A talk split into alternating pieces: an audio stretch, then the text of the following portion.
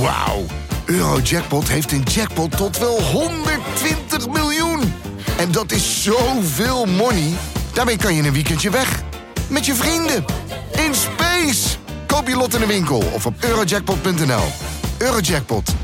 Een spel van Nederlandse Loterij. Speelbewust 18+. Plus. Hoe heeft het parlement zichzelf in de afgelopen tientallen jaren gemarginaliseerd? Dan moet ik even zuchten, want eh, dat is op zich, eh, je zou bijna zeggen hoeveel tijd heb je. Maar Dit is Betrouwbare Bronnen met Jaap Jansen.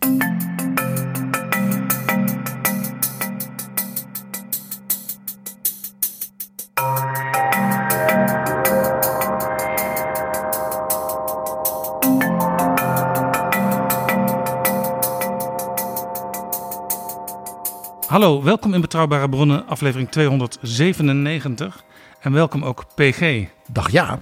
We gaan praten met emeritus hoogleraar Nederlandse politiek en parlementaire geschiedenis Joop van den Berg. Want als er iemand is die in deze donkere dagen zijn heldere licht kan werpen op de kwestie Khadija Ariep, dan is hij het wel. Welkom opnieuw in Betrouwbare Bronnen, Joop van den Berg. goedemiddag. Maar eerst, PG, zijn er nieuwe vrienden van de show? Er is in elk geval Adrie. Welkom Adrie, nieuwe vriend van de show. Zijn er ook eenmalige donateurs? Die zijn er ook. Dat zijn Godsvriend en Anniek. En wil jij ons helpen met een donatie, klein of groot? Je kunt het zelf aangeven. Ga dan naar vriendvandeshow.nl slash bb. En dat levert je ook nog wat op af en toe.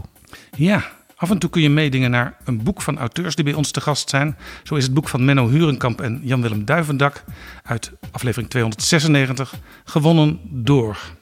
Maarten in Amsterdam. Frederike in Bergsenhoek. Reinoud in Utrecht. Brian in Purmerend. Brian, denk ik. Ja, zou ook kunnen, ja.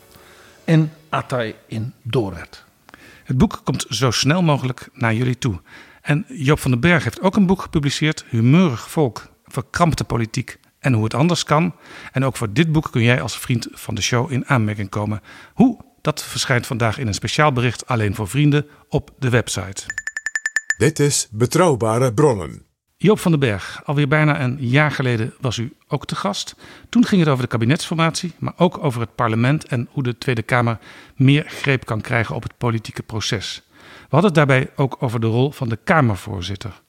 En het ligt, gezien wat er afgelopen anderhalve week allemaal gebeurd is rond de voormalige Kamervoorzitter Khadija Ariep en de rol van de huidige voorzitter Vera Bergkamp, voor de hand om op die rol en positie nog eens wat dieper in te gaan.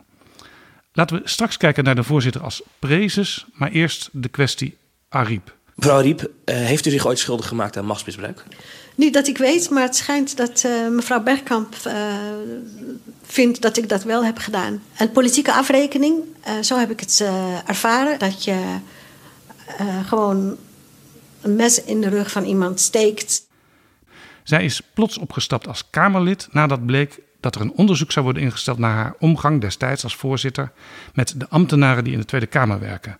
Het presidium van de Kamer had daartoe op 28 september besloten en nog diezelfde dag lekte dat uit. Voordat Khadija Ariep ervan op de hoogte was gesteld door het presidium. Ariep ervoer dit als een dolkstoot in de rug en ze voelt zich niet langer veilig.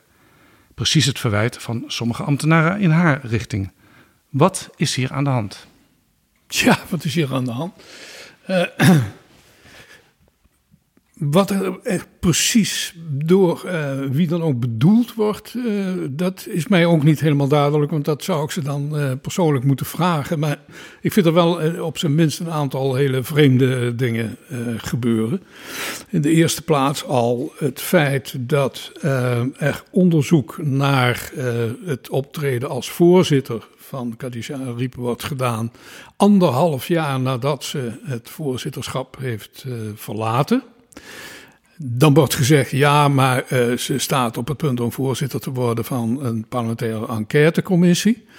Eh, maar als dan eerdere klachten, hoe dan ook, bij de voorzitter gekomen worden gebruikt om een onderzoek in te stellen, dan wek je toch de indruk, zeker met die klachten, dat je je wil bemoeien met de eh, aanstelling tot voorzitter eh, van een eh, Kamerlid. Dat wil dus zeggen dat het personeel gaat bepalen als je niet oppast, wie er voorzitter van commissies kan worden. of überhaupt functies in de Kamer kan krijgen. Dat zijn politieke besluiten. En die worden dus ook voorbehouden aan degenen die bij de politiek betrokken zijn. Dat is niet de staf van de Kamer.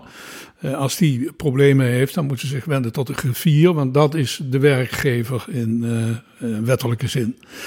Dus al in dat opzicht is de hele zaak moeilijk te begrijpen. En het zou je ook niet verbazen, je ziet dat ook dat uh, in verschillende commentaren, in ieder geval van staatsrechtbeoefenaren, gezegd wordt van wat gebeurt hier allemaal voor raars. Uh, er wordt, in zekere zin wordt arbeidsrecht, zou je kunnen noemen, en um, hoe het staatsrecht door elkaar gegooid.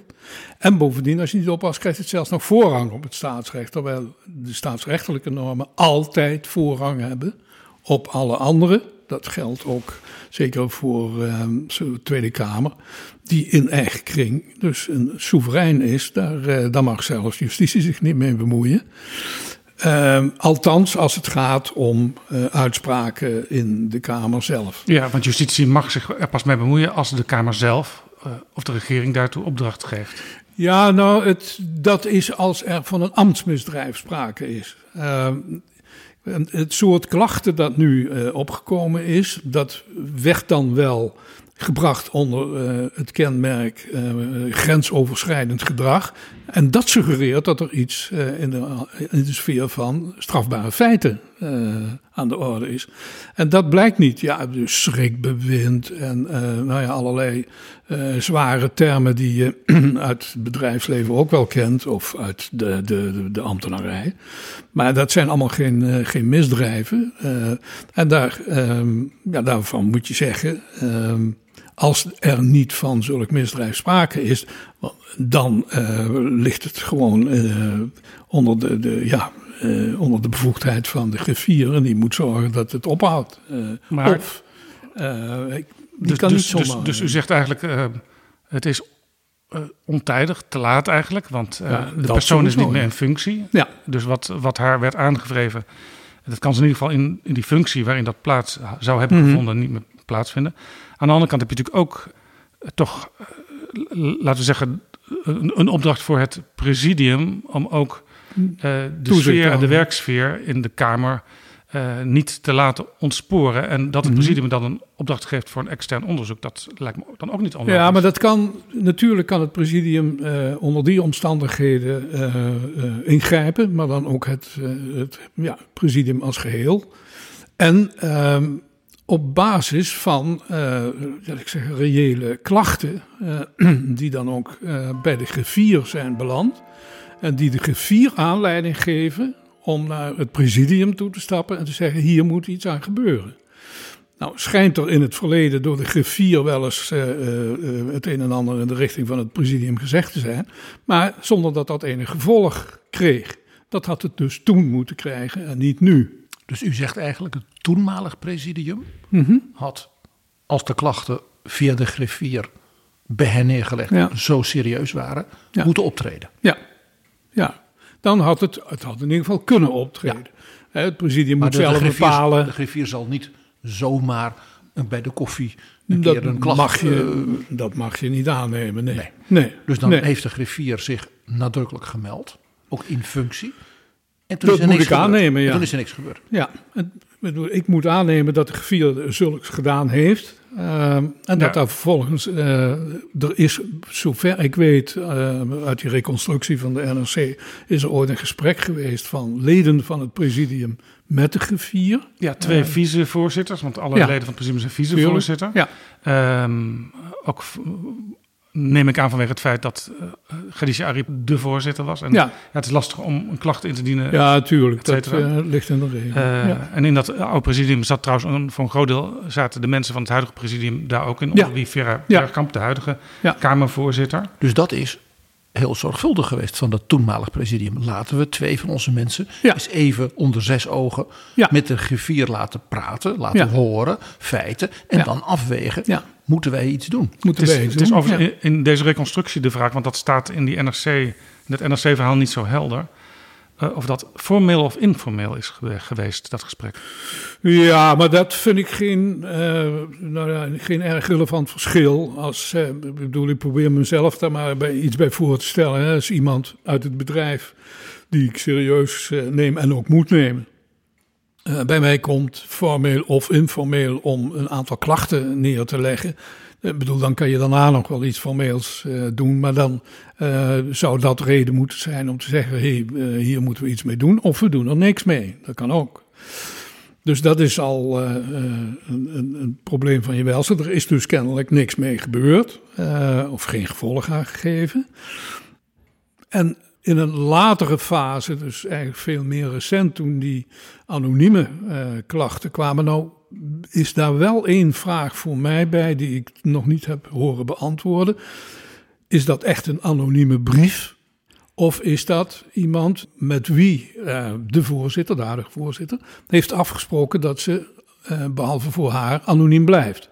Ik bedoel, jullie kennen uit de journalistiek natuurlijk ook wel de gewoonte van uh, verklaringen die mensen afleggen ja. tegenover een journalist. Maar waarbij de afspraak is dat die journalist en zijn hoofdredacteur weten over wie het gaat. En dan hun bronnen beschermen. En hun bronnen beschermen. Zoals ik het begrepen heb, is er sprake van een anonieme brief van 10 februari. Ja, die was echt anoniem, zover ik weet. En uh, pas vijf maanden later kwam er mm -hmm. een tweede brief binnen, die ook anoniem wordt genoemd. Ja. Eind juli was dat. En toen is er tot actie besloten, ook omdat die twee brieven, de inhoud daarvan, mm -hmm. ja, die correspondeerde eigenlijk met klachten, wat, waar al eerder onderzoek naar is gedaan, waarin 23 ambtenaren uh, hun ja, klachten hadden ja, neergelegd. Ja, maar waar niks mee gebeurd was. Ja. Dus kennelijk waren ze ook weer niet zo ernstig. Uh, voor degene die die klachten in ontvangst namen, dat ze vonden dat er echt iets moest gebeuren. Ja, punt is wel bij die tweede anonieme brief. Uh, daar was inmiddels bekend dat Khadija Ariep de voorzitter zou worden van de onderzoekscommissie ja, ja. naar het coronabeleid. Maar dat maakt die brief natuurlijk des te eigenaardiger. Want dat betekent de facto bewuste bemoeienis met de aanwijzing door de Kamer van een commissievoorzitter. En eigenlijk, en dan nog anoniem ook, dat zou je dus eigenlijk formeel moeten afhouden onder het motto: met anonieme brieven kan ik niks. Uh, ik snap dat advocatenkantoor ook niet dat dan zegt van ja, ja, maar er zijn wel corresponderende klachten in het ja, verleden. Dat is het advocatenkantoor Pels Rijken, ook wel ja, de landsadvocaat. De landsadvocaat, ja. ja. Hoe uh, denkt u daarover? Wat is, het, is het van het presidium, misschien juist omdat het zeg maar, vrij lang geduurd had, niet wijs om een extern juridisch advies te vragen van, ja, ja kunnen wij nog iets doen? Dat en als we iets doen, ook, moeten we dan ja, iets doen? Er schijnt ook sprake van te zijn geweest, want ik hoorde een ander bureau nog langskomen. Uh, maar hoe dat zit, dat weet ik absoluut nou, vanuit niet. de Kamer werd ook gezegd, uh, had uh, Renske Leijten van de SP, mm -hmm. zei dat bijvoorbeeld, had de parlementair advocaat hier Ja. niet moeten worden ingeschakeld. Ja. Maar dat wordt overigens in de brief van het presidium wel weerlegd, dat dat, dat, dat eigenlijk niet daar de taak voor is. Nee, want de Nee, niet advocaat heeft een hele andere functie Ja, dat is dan de landsadvocaat. Ja, ja, dat ja, is inderdaad een andere ja. taak. Dus op Ehm, zichzelf is het ja. vragen om, ik zal maar zeggen, een soort juridische ja, extra expertise, misschien ook wel een enigszins Hmm. rug, rugdekking voor. Ja, wat gaan we nu doen? En als we iets doen, wat dan? Ja. Misschien niet zo raar. Nee hoor, ik vind dat op zichzelf niet een punt om erg veel drukte over te maken. Kijk, het is, je kunt zelfs zeggen, het is toevallig de landadvocaat, maar ze, ze zijn eh, bij de buren, eh, als het ware, eh, ge- geweest. Want Pelsrijken zit vlakbij de Tweede Kamer. En ja, het is een te goede naam en faam bekend staand bureau met uitzondering van een gewezen eh, voorzitter van de Raad van Bestuur. Maar goed. Ja, dat, dat was ook een punt van de SP. Die zeiden, eh, moet je nou juist als Tweede Kamer de landsadvocaat inschakelen? Ja, nou, dat vind ik eerlijk gezegd een beetje ver gezocht. Ik bedoel, eh, de gewezen voorzitter is er trouwens al lang niet meer. En daar kun je niet alle andere werknemers van dat kantoor slachtoffer van maken. Hè. Dat, dat vind, ik, eh, vind ik een beetje spijkers op laag water Ja, zoeken. nou lekte dit uit en eh, het, het, het tragische was dat uh, Khadija Mhm. Ariep zelf nog niet op de hoogte eh, was gesteld. Nou, als ik het goed begrijp, Jaap, is het zo snel uitgelekt dat het besluit van het presidium om met drie mensen, waaronder mevrouw Bergkamp, zelf ja, met mevrouw Ariep te praten over wij staan nu met deze beslissing en we willen dat jij dat weet. En dat is ook denk ik heel, heel, heel honorabel. Mhm. Maar dat is dus als het ware voorkomen, dat gesprek, door een wel extreem snel lek. Ja, op dezelfde dag. Dus dat is een uitermate bewuste ja, dat is actie geweest. en misschien zelfs al van tevoren beraamde actie, denk ik dan. Een beetje vanuit ambtelijke ervaring. Sterker nog, uh, uh, er hebben vier gesprekken plaats gehad in het presidium. Uh, kwam het dus vier keer op de agenda. Mede natuurlijk vanwege dat advies van de van landsadvocaat. de landsadvocaat En is dus niet over één nacht ijs gegaan. Nee, maar uh, vier nachten ijs verhogen natuurlijk wel ernstig de kans op een lek. Als je begrijpt wat ik bedoel. Ja. En uh, vier keer er uitvoerig over spreken en nog steeds de betrokkenen niet ingelicht hebben. Vind ik ook een beetje eigenaardig om het maar vriendelijk uit te nou, drukken. Nou, daar, daar voert het presidium zelf voor aan in een brief aan de Kamer. Dat uh, je eerst het besluit moet nemen dat er een extern onderzoek moet komen. Uh, voordat je de betrokkenen inlicht, omdat anders zaken door elkaar gaan lopen. Ja, dat vind ik dus echt onzin. Uh, als je als voorzitter van de Kamer, want daar gaat het in dit geval om, denkt te weten: ik moet hier nu echt iets mee gaan doen. Uh, en het zal dus, wat mij betreft, tot een onderzoek moeten komen. Maar ik moet het daar met het presidium uiteraard over hebben. Dan is dat juist het geëigende moment, denk ik, om met betrokkenen uh, contact op te nemen. En te zeggen: luister eens, ik heb hier nu een dijk van een probleem. Ik ben eigenlijk dit van plan. Wat vind jij daarvan? En werk je eventueel aan een onderzoek mee? of weiger je dat? Dat kan ook. Maar dat heeft ze kennelijk niet vertrouwd. En dat, dat vind ik dus wel een zwaktebod. Ja. En dan had het door de betrokkenen, in dit geval Gadisha, nog altijd als een dolkstoot kunnen worden ervaren, maar het was wel netjes ja, geweest. Het was wel netjes, maar ja, eh, kijk, ook de totstandkoming van de verkiezing tot Kamervoorzitter is ook een beetje uh, achter de rug van uh, Kadisha omgegaan. Want die kwam er pas achter, één dag voordat de verkiezing plaats zou vinden. vooral dat, dat eh, en dat voordat uh, uh, mevrouw Bergkamp zich meldde als kandidaat. Kijk, iedereen wist tot en met de dag van de verkiezingen dat het de kennelijke bedoeling van mevrouw Ariep was om zo mogelijk te worden herkozen als uh, Sterker nog, dat was ook een reden voor Ariep om zich opnieuw kandidaat te stellen voor de Tweede, voor de tweede Kamer. Kamer. Toen heeft zij daarbij gezegd, ja. omdat ik ook graag door wil als ja. voorzitter. Ja. ja, nee, dat is precies zo. En dat heeft ze ook... Uh, want ja, kijk, Cadiz is ook geen lievertje. Ik bedoel, uh, heeft ook de ambities en de methodes van werken. Laten we wel wezen. En het zou dan ook de tweede keer zijn dat ze vanuit een partij die enorme ja, klap had gekregen ja, ja. van de kiezers. Ja. Toch, als het ware op grond van haar nou, zeg, gezag, haar uh, reputatie, Mhm. zou zeggen. En toch wil ik het graag nog een keer doen. Ja, nee, dus iedereen wist hoe de vlag erbij hing. Uh, en ik kan me dus op zich wel voorstellen dat de dag na de verkiezingen uh, bij D66 gedacht is: hallo, uh, weer maar negen zetels.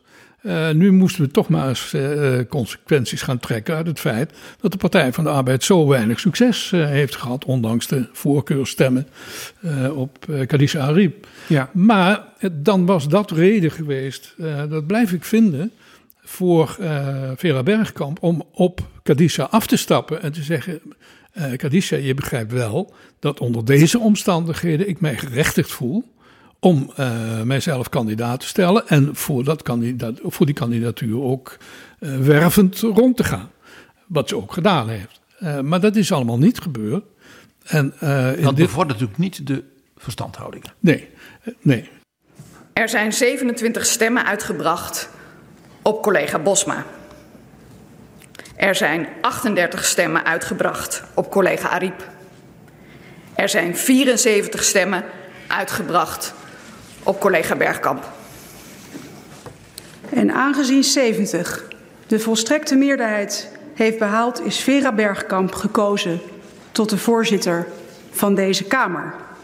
Dat wordt overigens ook uh, uh, nee, nu is, steeds de partijen VVD en D66 voor de voeten geworpen. Ja. Dat zij onderlinge afspraken hierover zouden hebben gemaakt. Want dat weten we natuurlijk nog, nog steeds nee, niet dat precies. is dus het verwijt dat uh, met name Geert Wilders gemaakt heeft. En waar die in dit geval recht van spreken heeft, denkt mij.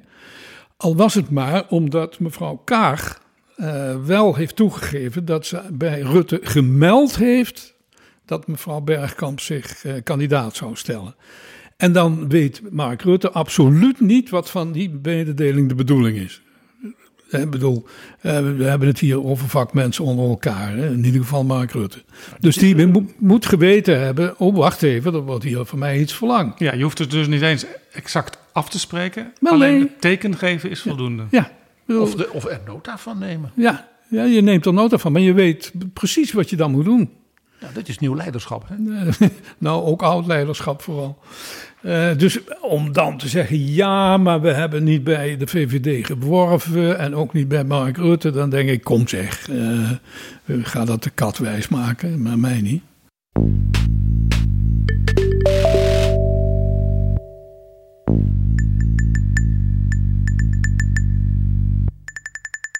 Wat we hier zien is denk ik dat er in de reacties op deze kwestie twee dingen door elkaar lopen. Mm enerzijds de brede waardering voor Khadija Ariep als vergadervoorzitter. En anderzijds hoe ze blijkbaar veel ambtenaren eh, tegen het hoofd stoten in haar mhm. stijl van leiding geven. Er kwam ook ineens een vijftal fractievoorzitters van kleinere partijen voor haar op. Eh, maar verwarde die hun waardering voor haar niet met het probleem wat er wel degelijk uh, kan zijn geweest tussen Ariep en haar ambtenaren. Wel, er kunnen best problemen tussen Ariep en, en haar ambtenaren, onder wie de ambtelijke leiding. Want één griffier is op een gegeven moment vrij snel vertrokken. Binnen twee jaar? Ja, ook omdat ze op ja, je zou bijna zeggen, valse voorwenselen was binnengehaald. Daarmee bedoel ik uh, alleen dit, dat zij, uh, er was kennelijk communis opinio, er moest nu een manager komen, want er moest orde geschapen worden enzovoort. Ja, dat was ook overigens de opdracht voor Gardisha Ariep van de Tweede Kamer zelf, ja, toen zij werd in aangewezen. dat belachelijke uh, adviesrapport wat ingezonden was. Waarvan ik denk, dat is geschreven door mensen die misschien verstand van een bedrijfsorganisatie hebben, maar niet van een Tweede Kamer. Maar goed, mevrouw Riep heeft die opdracht aanvaard. Ja, die heeft het wel met de gedachte, nou ja, ik interpreteer hem zoals ik hem, uh, denk ik, uh, zoals moet interpreteren. zou doen. Ja, natuurlijk. En er is dus iemand uh, op die grond um, gevier geworden, die ongetwijfeld managementkwaliteiten zal hebben gehad, daar twijfel ik ook helemaal niet aan. Maar die van staatsrecht de ballen wist. En Kadisha merkte dus, ik heb een griffier naast me die als er procedureel uh, nagedacht moet worden, niks te, te denken biedt. Uh, nou was er een tweede, die was er dan voor het, het constitutioneel proces. Nou ja, uh, die zit weer aan de verkeerde kant, bij wijze van spreken. En bovendien ook niet echt een heel sterke figuur daarvoor. want je moet echt heel, ja, eigenlijk al heel veel gezag hebben voordat je aan zo'n functie begint, ook zo'n uh, constitutionele expert. Nou is de, de belangrijkste... Maar goed, de, wat er gebeurt is, die twee zitten dus duidelijk misplaatst. Ja, daar kan je Kadisa de schuld van geven. Maar het kan natuurlijk ook zijn dat je tot de ontdekking komt: ja, hier moeten we niet mee verder. Maar waren die vijf fractievoorzitters van die kleine fracties? Ja. Die dus riepen van: ach, maar het is zo'n fijne mevrouw. Ja. Kaditja. Ongetwijfeld is dat zo vanuit die fracties gezien. Hmm. Maar waren die natuurlijk heel, niet heel voorbarig. Want je zou eigenlijk moeten zeggen: laten we nou eerst eens dat onderzoek dan afwachten. Om volgens af te wegen of tussen de waardering hmm. van mevrouw Ariep als voorzitter Mhm. En de uitkomsten van dat onderzoek een afweging te maken. Door dus nu te roepen, maar het is zo'n fijne vrouw. Werd als het ware dat onderzoek en daarmee ook de klachten van die mensen natuurlijk weggetikt. Ja, als niet maar afhankelijk natuurlijk wel van de wijze waarop uh, uh, dat onderzoek uh, tot stand gekomen was. Waar je buitengewoon veel kritische opmerkingen bij kan maken de vraag of het presidium de eerstgeroepene is om zulk onderzoek te doen, terwijl het in allerlei opzichten bij de hele zaak betrokken is. U zegt dus feitelijk, dit was meer een zaak van de griffier geweest. Ja, dan zou de griffier opdracht hebben moeten geven. Uh, even wel wat mij betreft met ondersteuning van het presidium, dat kan die, die kan de griffier, als de griffier geen rugdekking van het presidium heeft, kan hij natuurlijk niet kan opereren. Kan sowieso niks. Nee, precies. Hè? Maar dan had je toch nog anders moeten doen dan nu. En nu laat je als presidium de verdenking op je dat je iets tegen mevrouw Ariep hebt. En dan kunnen natuurlijk fractievoorzitters in de Kamer zeggen: Hallo, uh, daar horen wij ook nog bij. Hè? Uh, en die ruiken natuurlijk ook dat dat iets te maken heeft met die parlementaire enquêtecommissie. En proeven dus bemoeienis met het benoemingsbeleid. Dus er ontstaat een moeshewara waarbij allerlei partijen die eigenlijk zich er niet mee zouden moeten mengen, dat wel gaan doen. Dat wel gaan doen, maar ook uh, misschien wel on, onjuiste, maar op zijn minst begrijpelijke uh, redenen. Veel fouten worden begrijpelijk gemaakt. ja, ja, dat is het probleem van fouten in veel gevallen. van mensen. Tenzij je qua je trouw ja. vooronderstel. Khadija Ariep was teleurgesteld in de handelwijze van het presidium. Mm -hmm. Ze haalde ook uit naar haar eigen partij, de Partij van de Arbeid. Want ze had steun verwacht van tenminste fractievoorzitter Adje Kuiken. En ze begreep ook niet waarom Henk Nijboer van de Partij van de Mhm. Arbeid als lid van het presidium had ingestemd met het onderzoek. Ja. Was dit van Ariep een zuivere reactie?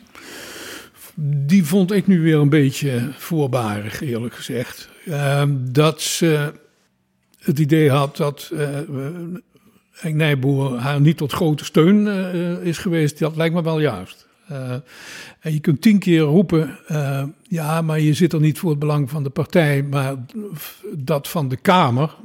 Nou, daar gelaten of ik dat altijd precies uit elkaar kan halen. Uh, het blijft natuurlijk een politiek orgaan. Het blijft een politiek orgaan, ook als presidium. Ik heb ook niet voor niks ooit eens een mooi stuk, al zeg ik het zelf, geschreven. De parlementaire orde is een politieke orde. En dat dus verder uitgelegd. En dan zegt iedereen ja, natuurlijk. Maar uh, handel dan uh, daar dan ook naar. Maar Nijboer had natuurlijk ook. Omdat het om iemand ging die uh, hem meer nabij was dan willekeurig andere Kamerlid. zich kunnen afvragen: maar worden hier nu de juiste besluiten genomen? En misschien inderdaad het punt wat u aanstipte. Zijn wij als presidium wel degene die Nou, als eerste moeten handelen? Om maar eens iets te noemen. Want dan komt die vraag Ja. van... Goh, En waar- Henk, had jij mij niet een beetje kunnen eh, beschermen? Ja, zeker. Zeker. Ik zou ook gezegd hebben, als ik hem tegengekomen was, Henk, had je misschien eh, op zijn minst beter op kunnen letten. Ja, nou kan ik Eh, me wel voorstellen dat Henk Nijboer, eh, als hij antwoord zou geven op de vraag, Mhm. zou kunnen zeggen: eh, ja, maar hier was sprake in die periode, Ariep, van een verstoorde werkrelatie tussen ambtenaren, maar ook tussen griffiers met de voorzitter. Dus dan was het nogal lastig om nu de griffier dat te laten doen. Ja, nou, dan niet de griffier, maar in ieder geval niet het presidium zelf. Althans, niet als opdrachtgever. Ehm, dus dan blijft, eh, dan blijft op hem de verplichting rusten. Ook inderdaad meer dan eh, bij een ander, omdat het zijn partijgenoot is. Van, wat zijn wij hier aan het doen, dames en heren? Eh, kan dat zo wel? Ik bedoel, het zijn geen domme mensen daar in het presidium. Dus als jij denkt, nou, dit klopt volgens mij niet helemaal, dan zijn ze, neem ik aan, voor reden vatbaar. En, zo, eh, hoe zal ik het zeggen, blafferig is mevrouw Bergkamp niet dat je je daardoor eh, onmiddellijk geïntimideerd moet voelen. En mevrouw Bergkamp is geen mevrouw Ariep. Nee, nee, nee. Ik bedoel, ik zou nog eerder denken bij, bij, bij Kadisha van eh, waar begin ik aan? Eh, hoewel, dat valt ook reuze mee als het erbij komt. Want ik heb er ook wel eens een keer eh, eh, op de kast gejaagd. Het, eh, daar kan ze best tegen. Eh, maar goed, het is, eh, eh, het is eh, ja, Ja, het- nou, nou kan Nijboer in ieder geval op dit moment niks meer uitrichten, want hij trad afgelopen maandag Ja. af als presidiumlid. Ja. Hij zei: Ik sta nog wel achter dat gezamenlijke besluit, maar ik word keer op keer aangesproken op mijn PvdA-lidmaatschap, waardoor ik als presidiumlid niet meer kan functioneren. Ja, dan doet hij het voorkomen alsof eh, hij eigenlijk gelijk heeft, maar dat al die idioten in zijn partij eh, met eh, allerlei onaangename kritiek komen. Ja, dan, eh, dan hou ik er maar liever mee op. Omdat ik telkens bevraagd word als PvdA, terwijl je daar in het algemeen belang eh, goede beslissingen voor de Kamer moet nemen. En als je dan elke keer wordt bevraagd, wat vind je als PvdA ervan? Eh, dan kun je je werk niet meer goed doen voor de hele Kamer. Maar is dat dan niet een zwaktebod? Had hij dan niet juist moeten blijven als presidium? Ja, ik vind het een reactie van grote zwakheid. Ik kan er niks aan doen. Ik bedoel, eh, het is op zichzelf een eh, getalenteerd Kamerlid, maar dit, dit eh, personeelsbeleid is niet zijn sterkste kant, zullen we maar zeggen. Nu zegt Adje Kuiken van de Partij van de Arbeid dat zij Mhm. een onafhankelijk onderzoek wil naar de hele gang van zaken. Ja. Blijkbaar vermoedt zij een complot. Nou ja, ze is er niet zeker van dat dat niet het geval is. En ze is er ook niet zeker van dat het presidium zelf eigenlijk de, de meest gereden partij is om eh, de goede onderzoeksformulering. Maar dan trekt zij eh, dus ook het kleed onder Henk Nijboer weg. Want die heeft dat gedaan en is nu opgestapt. Dus ze is nu en Ariep kwijt Hmm. en Henk Nijboer heeft ze beschadigd. Ja, nou, dat heeft hij helemaal zelf uh, voor elkaar gekregen. Dus maar daar heeft hem dan ook niet bij gesteund, zoals Ariep zich ook Nee, niet maar dat, voelde. ik bedoel, dat, dat kan dan ook niet meer. Uh, en kijk, wat, wat mijn probleem een beetje is, is dat uh, Gadisha de indruk wekt alsof Atje Kuiker er eigenlijk niet wilde steunen op een belangrijk moment. Wat, wat het moeilijk maakt, is dat uh, Atje Kuiker dan weer vertelt: ja, ik kon er niet bereiken. Het vervelende inderdaad van Kadisha is dat ze zichzelf uh, aardig onbereikbaar kan maken als ze dat wil. Nou kan iedereen dat, maar zij heeft er een uh, redelijk groot Ja, dus dat is een herkenbaar talent. beeld voor Ja, je. dat is voor mij herkenbaar. Dus in dit geval, denk, nee, want normaal gesproken, als ik iemand hoor zeggen, ja, hij was niet bereikbaar, of zij was niet bereikbaar. Nee, Marianne Sint was destijds ook niet bereikbaar. Wel voor mij, maar voor het hele bestuur Ja. van de partij Ik niet. moet u hè. misschien voor de luisteraars die u voor het eerst dit, dit dit, horen... dit was de reminiscentie, terwijl u dat zei, wou ik eigenlijk als interruptie plegen. Het doet denken aan Marianne Sint op die fiets in Toscane. Fiets in Er was Toscane. een crisis in Ja. de partij. Dat was crisis in de partij in verband met de, ehm, hoe heet het? De Eh, WHO. De, de WHO. Wim Kok die moest en de eh, bezuiniging. stappen die- zetten. Ja, En de achterbank kwam in opstand. ja, en de achterban kwam in opstand. Vooral de achterban van de vakbeweging.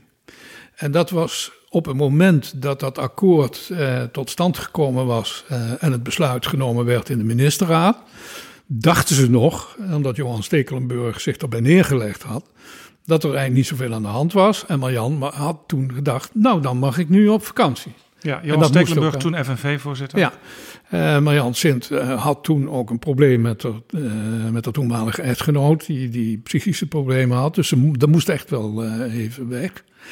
En ze is inderdaad in Italië gaan fietsen en we hadden nog geen gsm's, althans niet van het soort dat we nu hebben. Maar eh, ik heb in de journalistiek, eh, waar ik ooit vandaan kwam, geleerd, niemand is onbereikbaar als je hem echt gaat zoeken. Nee, want journalisten die gaan ook nog eens bij iemand voor de deur staan en kijken tot die persoon Nou ja, thuis komt. Dat deed ze toen Marjan uit van vakantie terugkwam. Daar heb ik er nog toen voor gewaarschuwd. Ik zeg, eh, weet dat als jij eh, je huis nadert, dat daar ongetwijfeld een aantal journalisten eh, voor je klaarstaan. En dat, eh, als je dat weet, dan ben je er ook op verdacht. Ja, even voor de luisteraars die u voor het eerst in betrouwbare bronnen horen. Ik dacht, laat ik deze keer de hele uitgebreide introductie maar achterwege. Ja. Maar toch wel helder voor dit verhaal. U bent ook eh vooraanstaand Partij van de Arbeid lid. U bent ook Eerste Kamerlid geweest, ook fractievoorzitter daar zelfs. Eventjes, ja. Eh, en eh, eh, directeur geweest van de WIA, die Beckman Stichting Wetenschappelijk Bureau. Dus u kent die hele partij van haver tot gort. Mhm. En vandaar dat u eh, ook van die oude kwestie wat weet. Maar ook Khadija Ariep in meerdere Ja. omstandigheden heeft ontmoet. Ja, nee, dat, dat klopt allemaal. Ja. Maar als mevrouw Kuiken nu zegt: Ik wil een onafhankelijk onderzoek. Mhm. Dan betekent dat dus een onderzoek dat dus niet van het presidium is. Nee, niet zo. Ja, bedoel, ze kan zeggen, als het presidium nou eenmaal de opdracht geeft, vind ik het best. Maar dan gaat het natuurlijk om de formulering van de opdracht.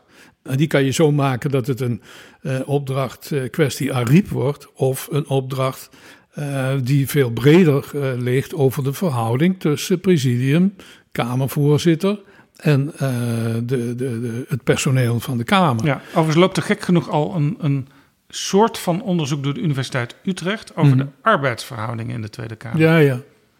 Ja, nou ja, die, die arbeidsverhoudingen. Kijk, om te beginnen, iedereen roept, eh, al die 600 man staan onder eh, regie van de griffier. Dat is onzin. Dat is alleen het personeel van de griffie en van de huishoudelijke dienst enzovoort. Terwijl alle anderen, de meesten, zijn in dienst van de fractie. Hun fracties dus. Hè? Eh, en daar heeft de Kamervoorzitter ook nog de griffier enige zeggenschap over.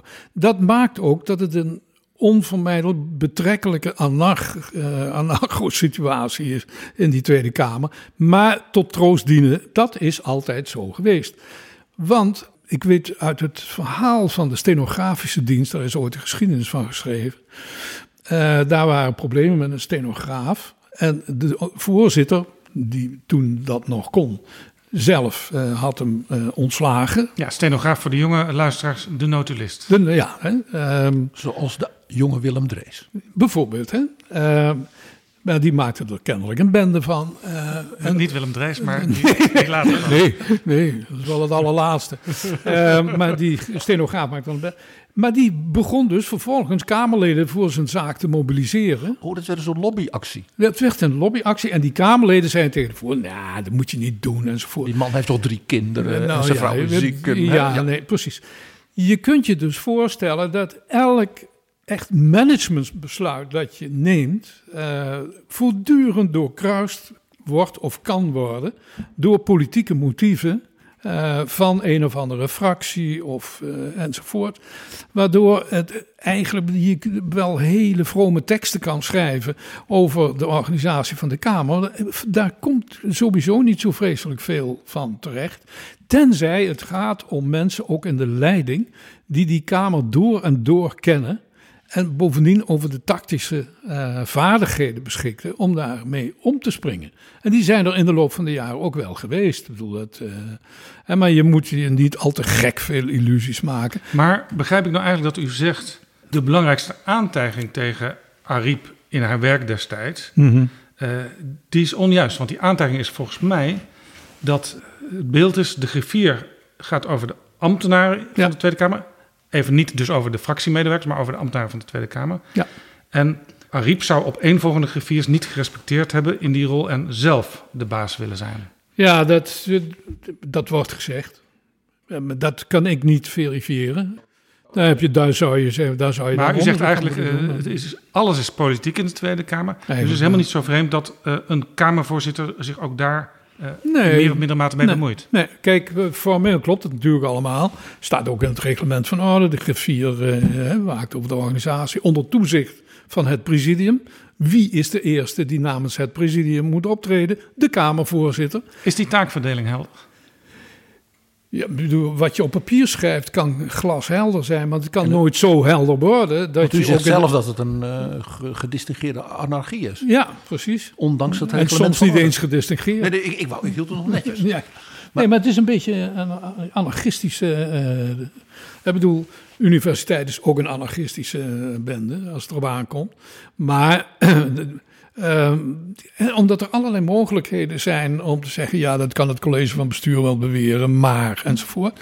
En wat hebben wij daar eigenlijk mee te maken? Hier kan je wetenschappelijke integriteit in het geding brengen. Dus het, al die managers die denken dat je van een organisatie als de Kamer een uh, bedrijfsmatig georganiseerde uh, uh, tent kan maken. Ja, die houden zich bezig met illusies. En als je zegt, uh, Khadija Ariep bemoeide zich als voorzitter met het beleid van de griffier. Dat, ik wil best aannemen dat dat gebeurd is. En ik wil ook nog wel aannemen dat ze daar net even te ver in gegaan waren.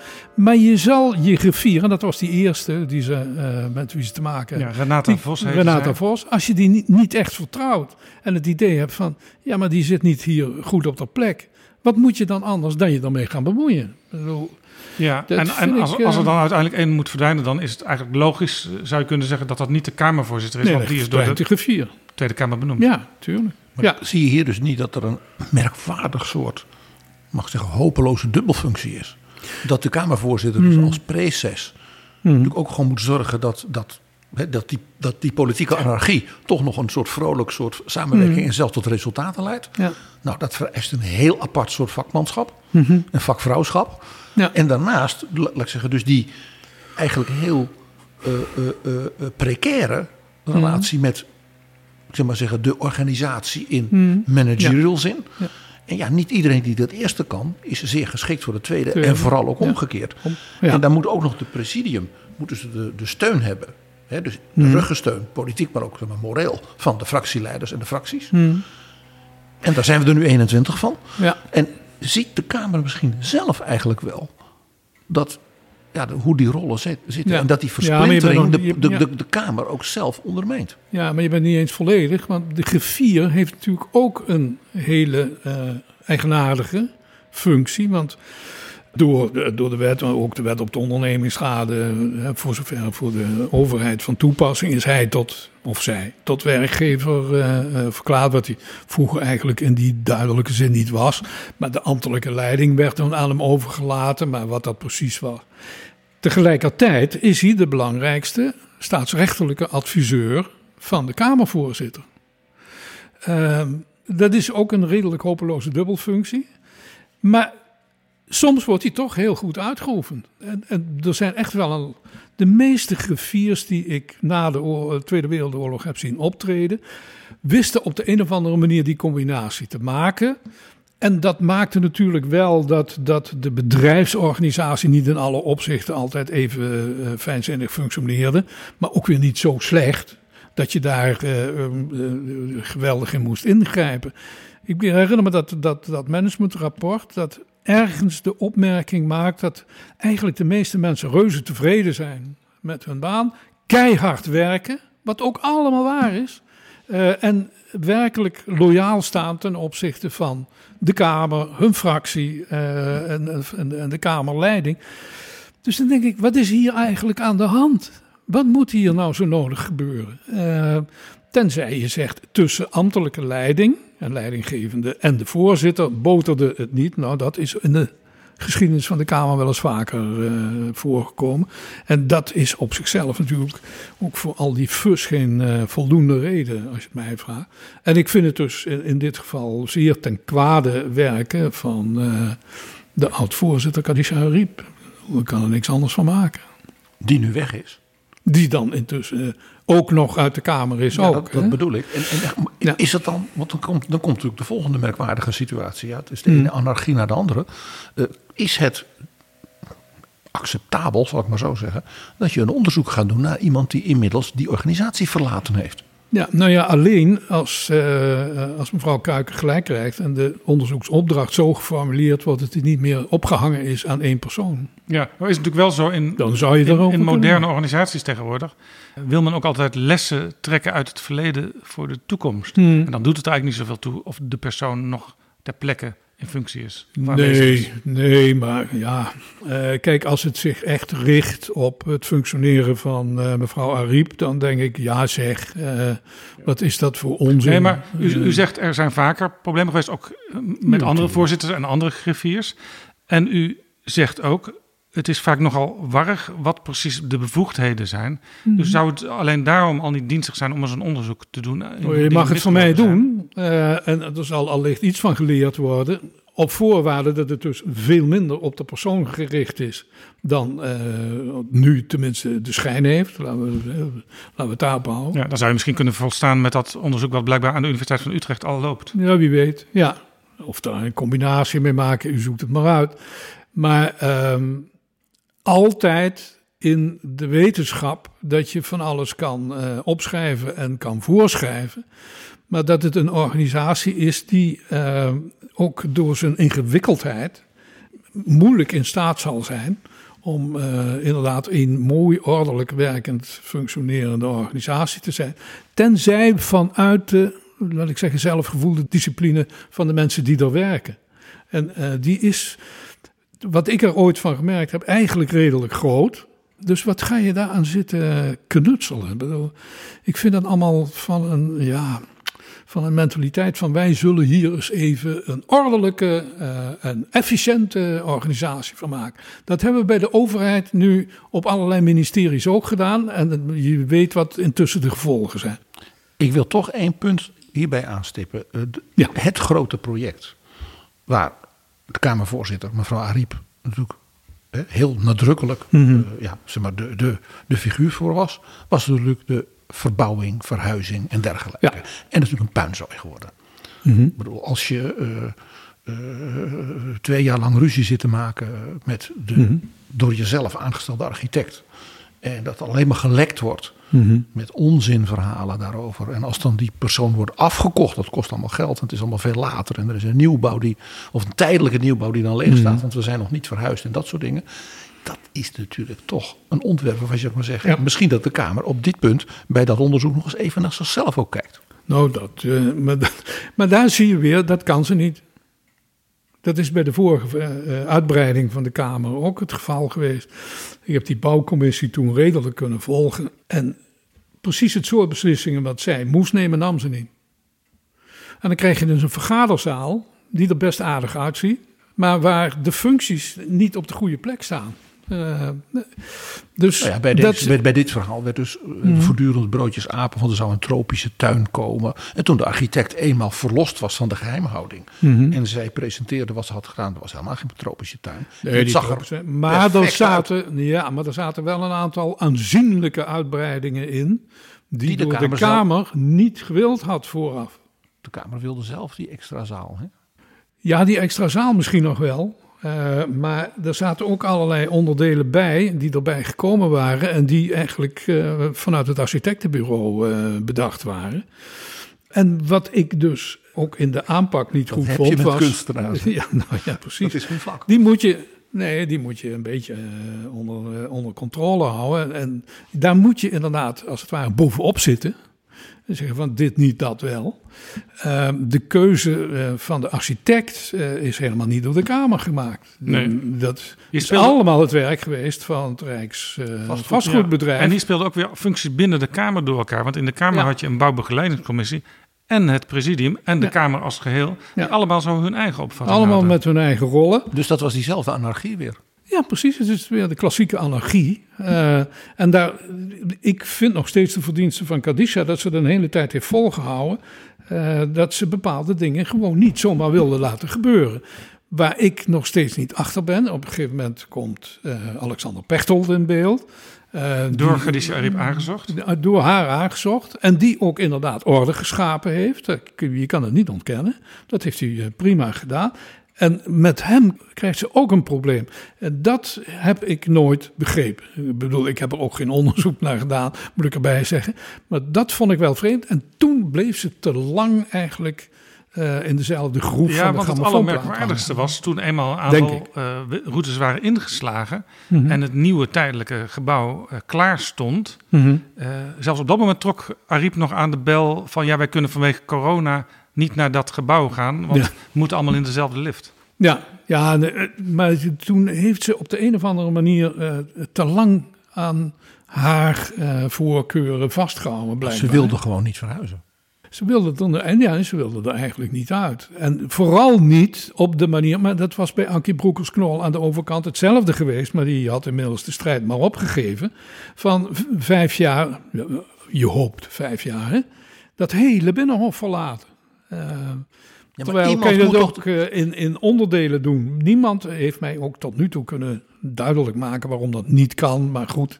Maar dat is dus het gevecht geweest van het Rijksvastgoedbedrijf dat zich bedreigd voelde in zijn, uh, in zijn uh, on, ja, hoe heet het? je zou zeggen, er zijn hier zoveel dingen, er zijn hier zoveel, zoveel dingen vreemd verlopen dat je ja. bijna zou pleiten voor een parlementaire enquête. nou, ik zou het niet doen. Maar dit zijn het soort besluiten die. die uh, ja. De kern hiervan is dat we als het ware nog weer zo'n soort wat anarcho ja, die, De Kamer is een heel slecht organiseerbare uh, winkel. En dan bovendien met hele verschillende opvattingen.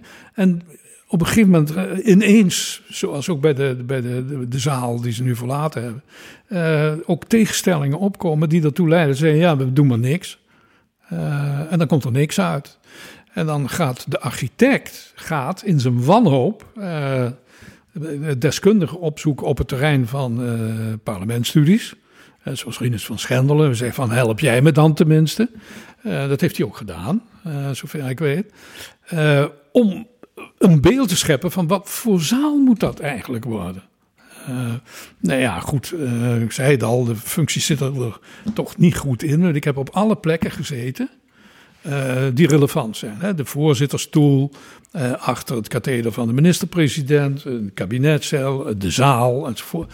En je merkt, het is in een aantal opzichten voor het politieke functioneren geen goede ruimte. Ja, het is een, wat men noemt een parlementair halfrond. In tegenstelling ja. tot de oude Kamerzaal, ja. in de oude balzaal die meer lijkt, een uh, klein beetje lijkt op de Britse verhouding Brits, links ja. tegenover ja, rechts. Ja, ja, en, die, ja. En, en dat halfrond is geen echt halfrond. Het is ook nog geen echt halfrond. Het is, het is niet het Griekse theater, nee. om maar zo te zeggen, waar dat vandaan komt. Ja, nee, het precies. is heel leuk. Het halfrond komt dus uit de traditie van Rome, Griekenland. Het is een theater van de staat.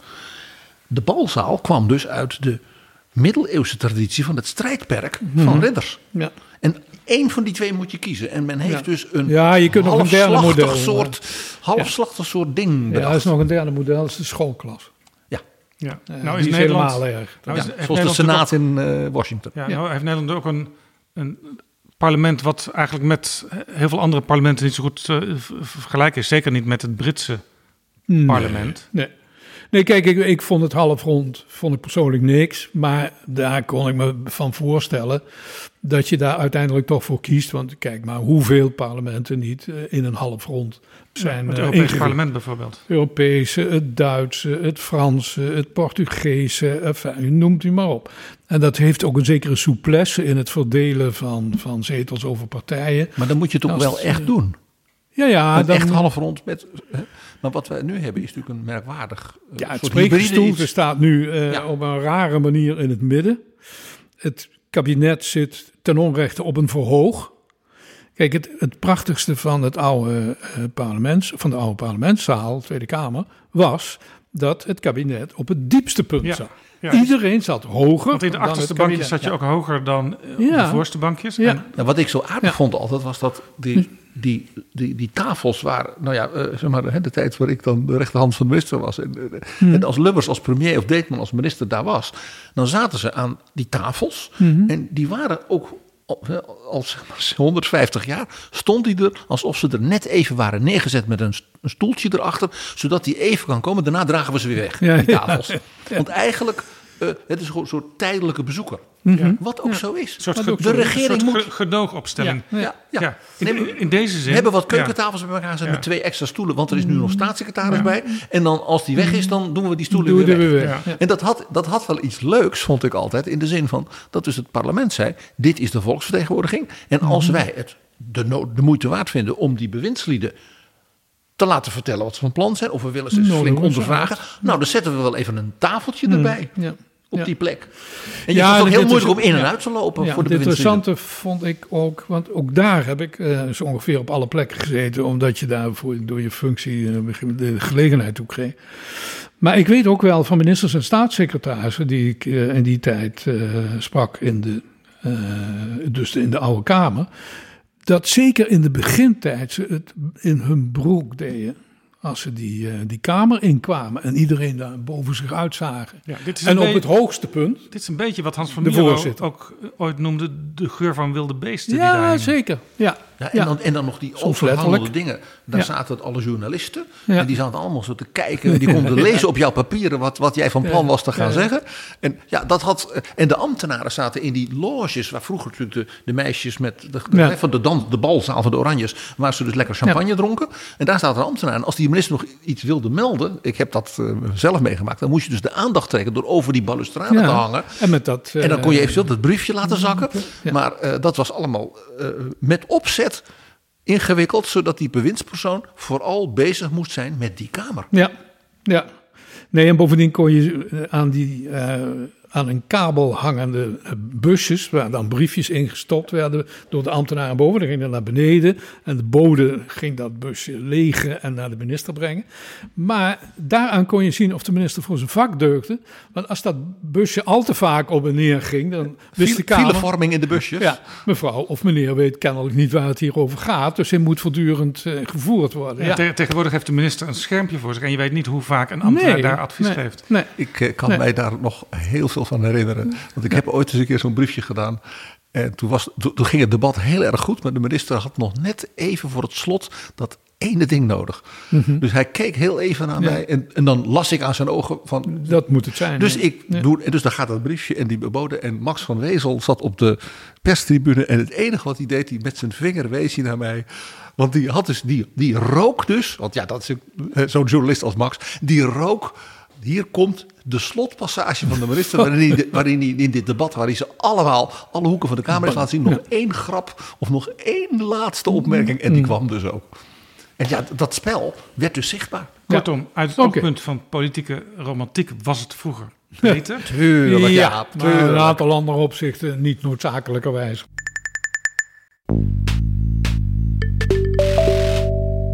Dit is Betrouwbare Bronnen, een podcast met betrouwbare bronnen. We zijn inmiddels aangekomen bij de plenaire zaal en Hm? de Kamervoorzitter die daar de centrale rol vervult. Mhm. Nou kun je, zou je kunnen zeggen dat veel aanhankelijkheidsbetoon wat deze week richting Khadija Ariep is gegaan uh, van mensen in en buiten de Kamer. Uh, dat kun je misschien in de publiciteit ook een beetje spiegelen aan de klachten die er zijn over de huidige voorzitter, Vera Mhm. Bergkamp. Mhm. Zij probeert tijdens debatten de leden in het gareel te krijgen, uh, maar ze slaagt daar onvoldoende in.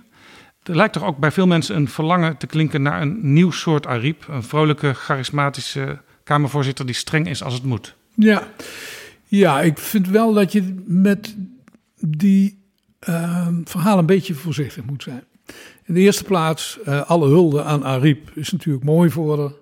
Maar komt inderdaad ook voort uh, uit depie voor het optreden van de huidige voorzitter. Het is vaak zo hè, dat ministers, en dat geldt voor dit soort mensen, ja, ook voor presidenten in andere landen, ja. dat ze hun roem vergroot wordt dankzij ja, hun maar, opvolger. Als je maar weg bent. Uh, en de opvolger te beginnen. niet zo geweldig is. Ja, en uh, ik riep in, in mijn eigen fractie in de Eerste Kamer, de beste minister van Onderwijs is de vorige.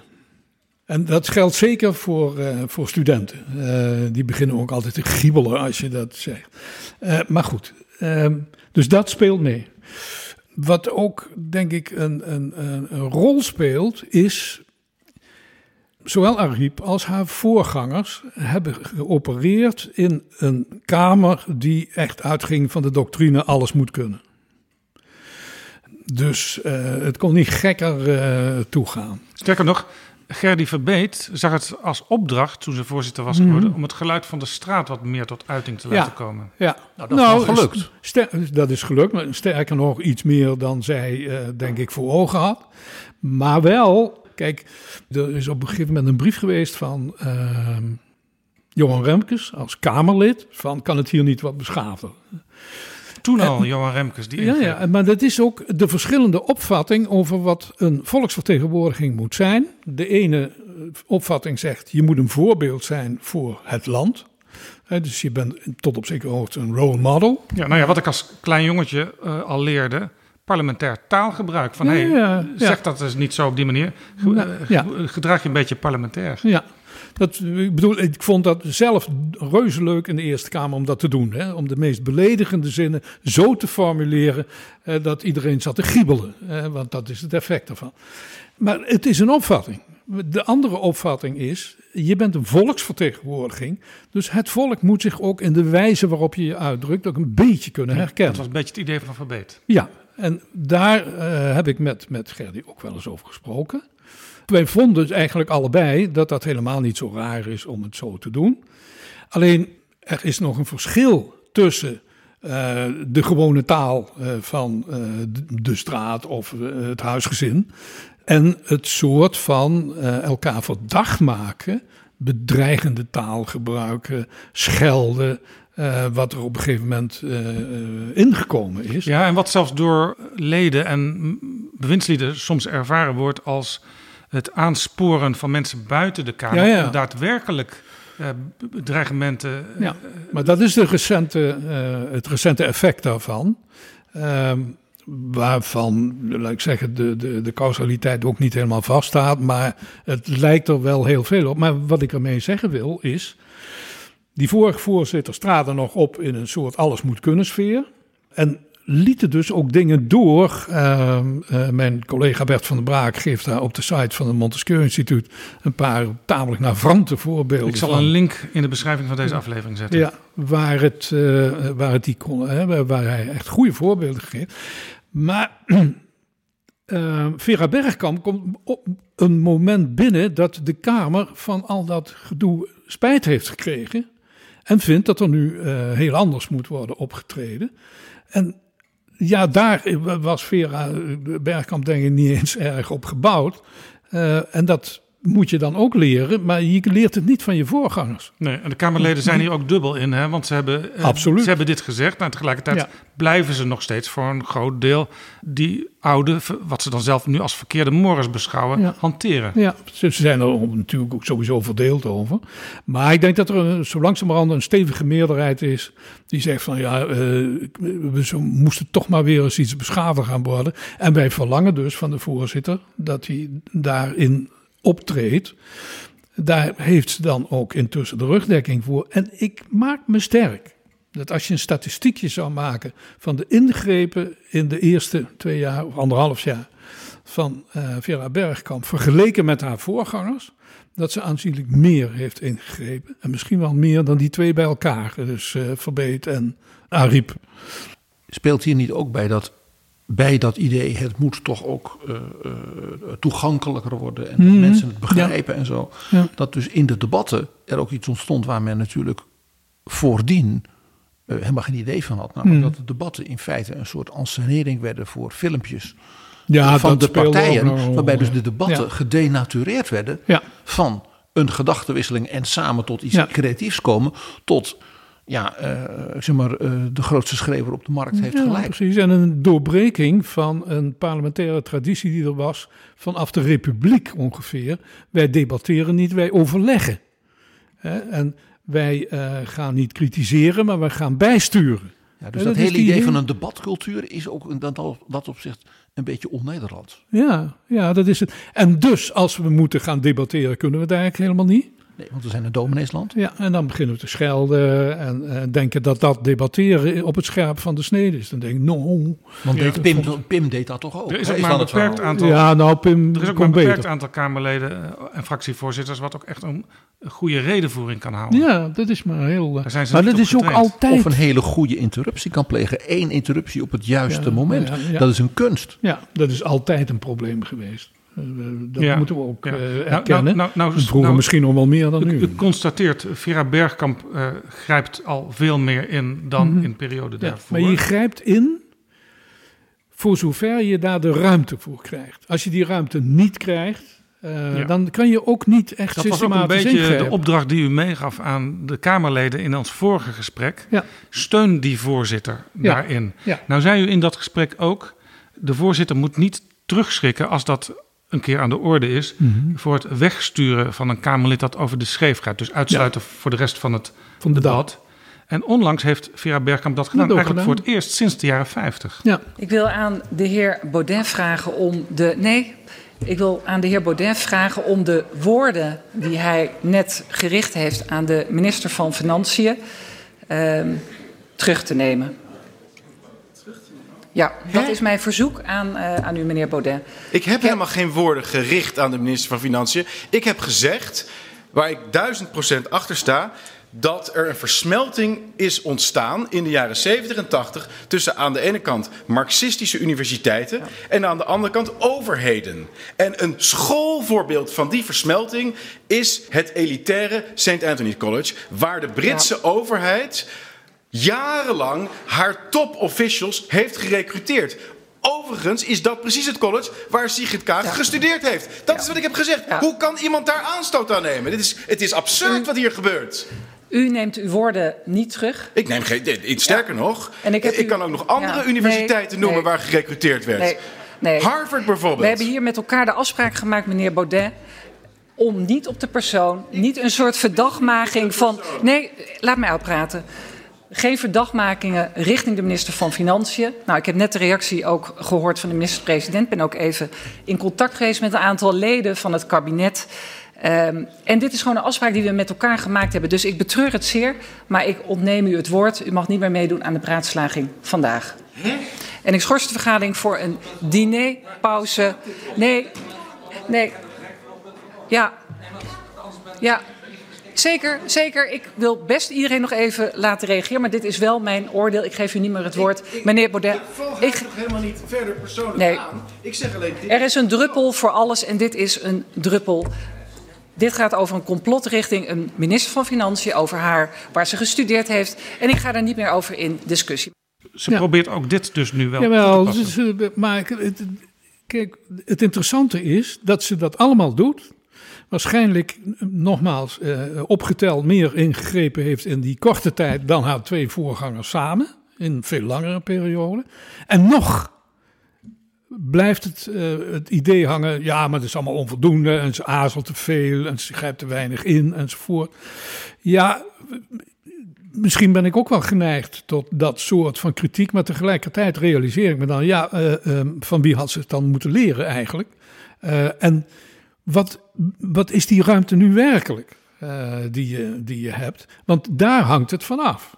Dus de Tweede Kamer zou een beetje kunnen leren van de Eerste Kamer in dit opzicht? Nou, dat zou dan voor het eerst in de geschiedenis zijn hoor. Dat zou dan mooi zijn. De Eerste Kamer gaat natuurlijk ook niet helemaal vrij uit in haar eigen handelen. Want die Kamer uh, treedt steeds vaker als een politieke Kamer op. Ja. Terwijl dat niet het eerste idee is bij de Eerste Kamer, zou je kunnen zeggen. Ja, nou ja, kijk, het is een politiek orgaan en het neemt politieke beslissingen, dus maak je zelf niks wijs. Tegelijkertijd moet je dus je eigen rol vinden in en waar richt ik mijn politieke kritiek dan op. Uh, en daarin verschilt de huidige Eerste Kamer iets te weinig uh, van de Tweede Kamer vergeleken bij, uh, laat ik zeggen, 20, 30 jaar geleden. Dat is waar. Maar die debatteerstijl en de wijze waarop men nou ja, zoals u ook al zei, in, in, in, in verfijnde bewoording elkaar helemaal afmaakt. Mm. Uh, en daar ook de lol in vinden. Mm. Dat is iets wat in de Eerste Kamer beoefend wordt. Ook niet ja, ik weet wellicht. niet of dat daar nog uh, door een aantal onmiskenbaar. Uh, maar ik zie daar toch ook een aantal types op een manier te keer gaan. Van Jan Antonie Bruin over zijn best doet om dat onder controle te houden. Dat lukt hem eigenlijk heel fatsoenlijk. Ja, die is heel strak als voorzitter. Hij is heel strak, ja. ja. Maar blijft vrolijk. Jawel, nou ja, de, bedoel, dat is dus de combinatie. Hij blijft een beetje opgewekt intussen. He, want dat is wat de oude voorzitter Fok aan het begin van de 20e eeuw zei. Uh, je kan met uh, reglementen en, en, en sancties, ja, je kan wel wat. Maar je komt in de meeste gevallen met humor heel veel verder. En dat is iets wat Gerdy Verbeet eigenlijk erg uh, goed in waar ze erg goed in was. En Khadija riep eigenlijk ook wel. Die had op een gegeven moment ook in de gaten. Ik kan beter een rottige grap maken. Die, ja, daar schrikken mensen inderdaad meer van. Dan dat je uh, met de knoet zwaait. Alleen, het is wel een combinatie. Hè? Maar ik verzoek dan om een debat met een, uh, met een brief. En dan hoor ik wel wat uh, de voorkeur heeft van de collega's. Nee, als het echt gaat om een brief, dan moet het via de commissie. Dus de brief dat gaan jullie niet steunen, zeg ik alvast. Want dat is uh, echt via de commissie. Maar dat is onzin, want je kan normaal nee, gesproken nee, kan je ook een niet. debat aanvragen nee, nee, met een brief. Als u een debat aanvraagt, dan ga ik kijken of er steun voor nou, is. Dan hou ik bij deze het uh, aanvraag staan voor een debat okay. met een brief. Oké, okay, dan ga ik naar de heer Van Dam namens het CDA. Ja, voorzitter, ik heb lang geleden afgeleerd dat als twee vrouwen van mening verschillen, dat ik daar als man uh, mij helemaal in moet mengen. Dit is echt, meneer Van Dam. Maar ik richt meneer mij, Van Dam. Ik richt mij. Nee, meneer Van Dam, daar gaat u niet zomaar uh, makkelijk mee, mee weg. Hoezo twee vrouwen? Hoe vaak heb ik met u een discussie? Of met de heer Azarkan? Wat is dit voor een opmerking? Neem het terug. Neem het terug. Voorzitter, ik heb u zo hoog dat alles wat ik zeg met een intentie die misschien een andere was, okay. wat u beroert, dat ik dat terugneem. Nou, dat goed. Het woord is nu aan u. Nou hadden we het straks even over die oude kamerzaal waar het kabinet, de regering, gedoogd wordt. Mm -hmm. Op die stoelen die net iets lager staan dan die van de Kamerleden. Men was te gast. Mm -hmm. Hoe verhoudt zich dat tot het beeld wat we onlangs zagen? Dat vak K plotseling zich genoopt vond om de Mhm. mm -hmm. Tweede Kamerzaal ja. en masse te verlaten. Ja. ja, dat is weer een reactie die ik op zichzelf begrijpelijk vind, uh, in menselijke wijs, maar die procedureel niet verstandig was. Niet goed ook. Want daarmee dwingen ze de Kamer, uh, als het ware, zijn gedrag aan te passen. En die dwang mag van uh, de voorzitter komen en van de Kamerleden zelf, maar niet van het kabinet. Hè. Ik bedoel, het kabinet gaat over het regeringsbeleid en niet over de wijze van werken van de Tweede Kamer. Ja, het kabinet gaat ook over een stuk gewoon menselijk zelfrespect. Nou ja, dat, Daar zitten ook dat, mensen. Ja, er zitten ook mensen, dus ik begrijp het wel. Uh, en ik begrijp, ik denk ook dat, dat uh, Mark Rutte tegelijkertijd gelijk had. Dus zei, ja, we moeten wel weer terug. Want het is de Kamer die dat soort beslissingen moet nemen. Maar daar zie je nu aan uh, dat uh, de voorzitter uh, in een aantal opzichten toch nog te langmoedig is. Want het ging misschien op dat moment over wat Baudet zei. Maar het was de hele dag al feest geweest. Met Wilders, die begint met hoe heet ze? of hoe heet die? Jette de minister, voor uh, klimaatpsychopaten uit te maken. Daar had ingegrepen moeten worden. En zo waren er nog een paar momenten. En dat dan in de avond een moment ontstaat waarop overigens Erik van der Burg als eerste zei: En nou is het welletjes. Uh, dat kan ik me wel voorstellen, ja.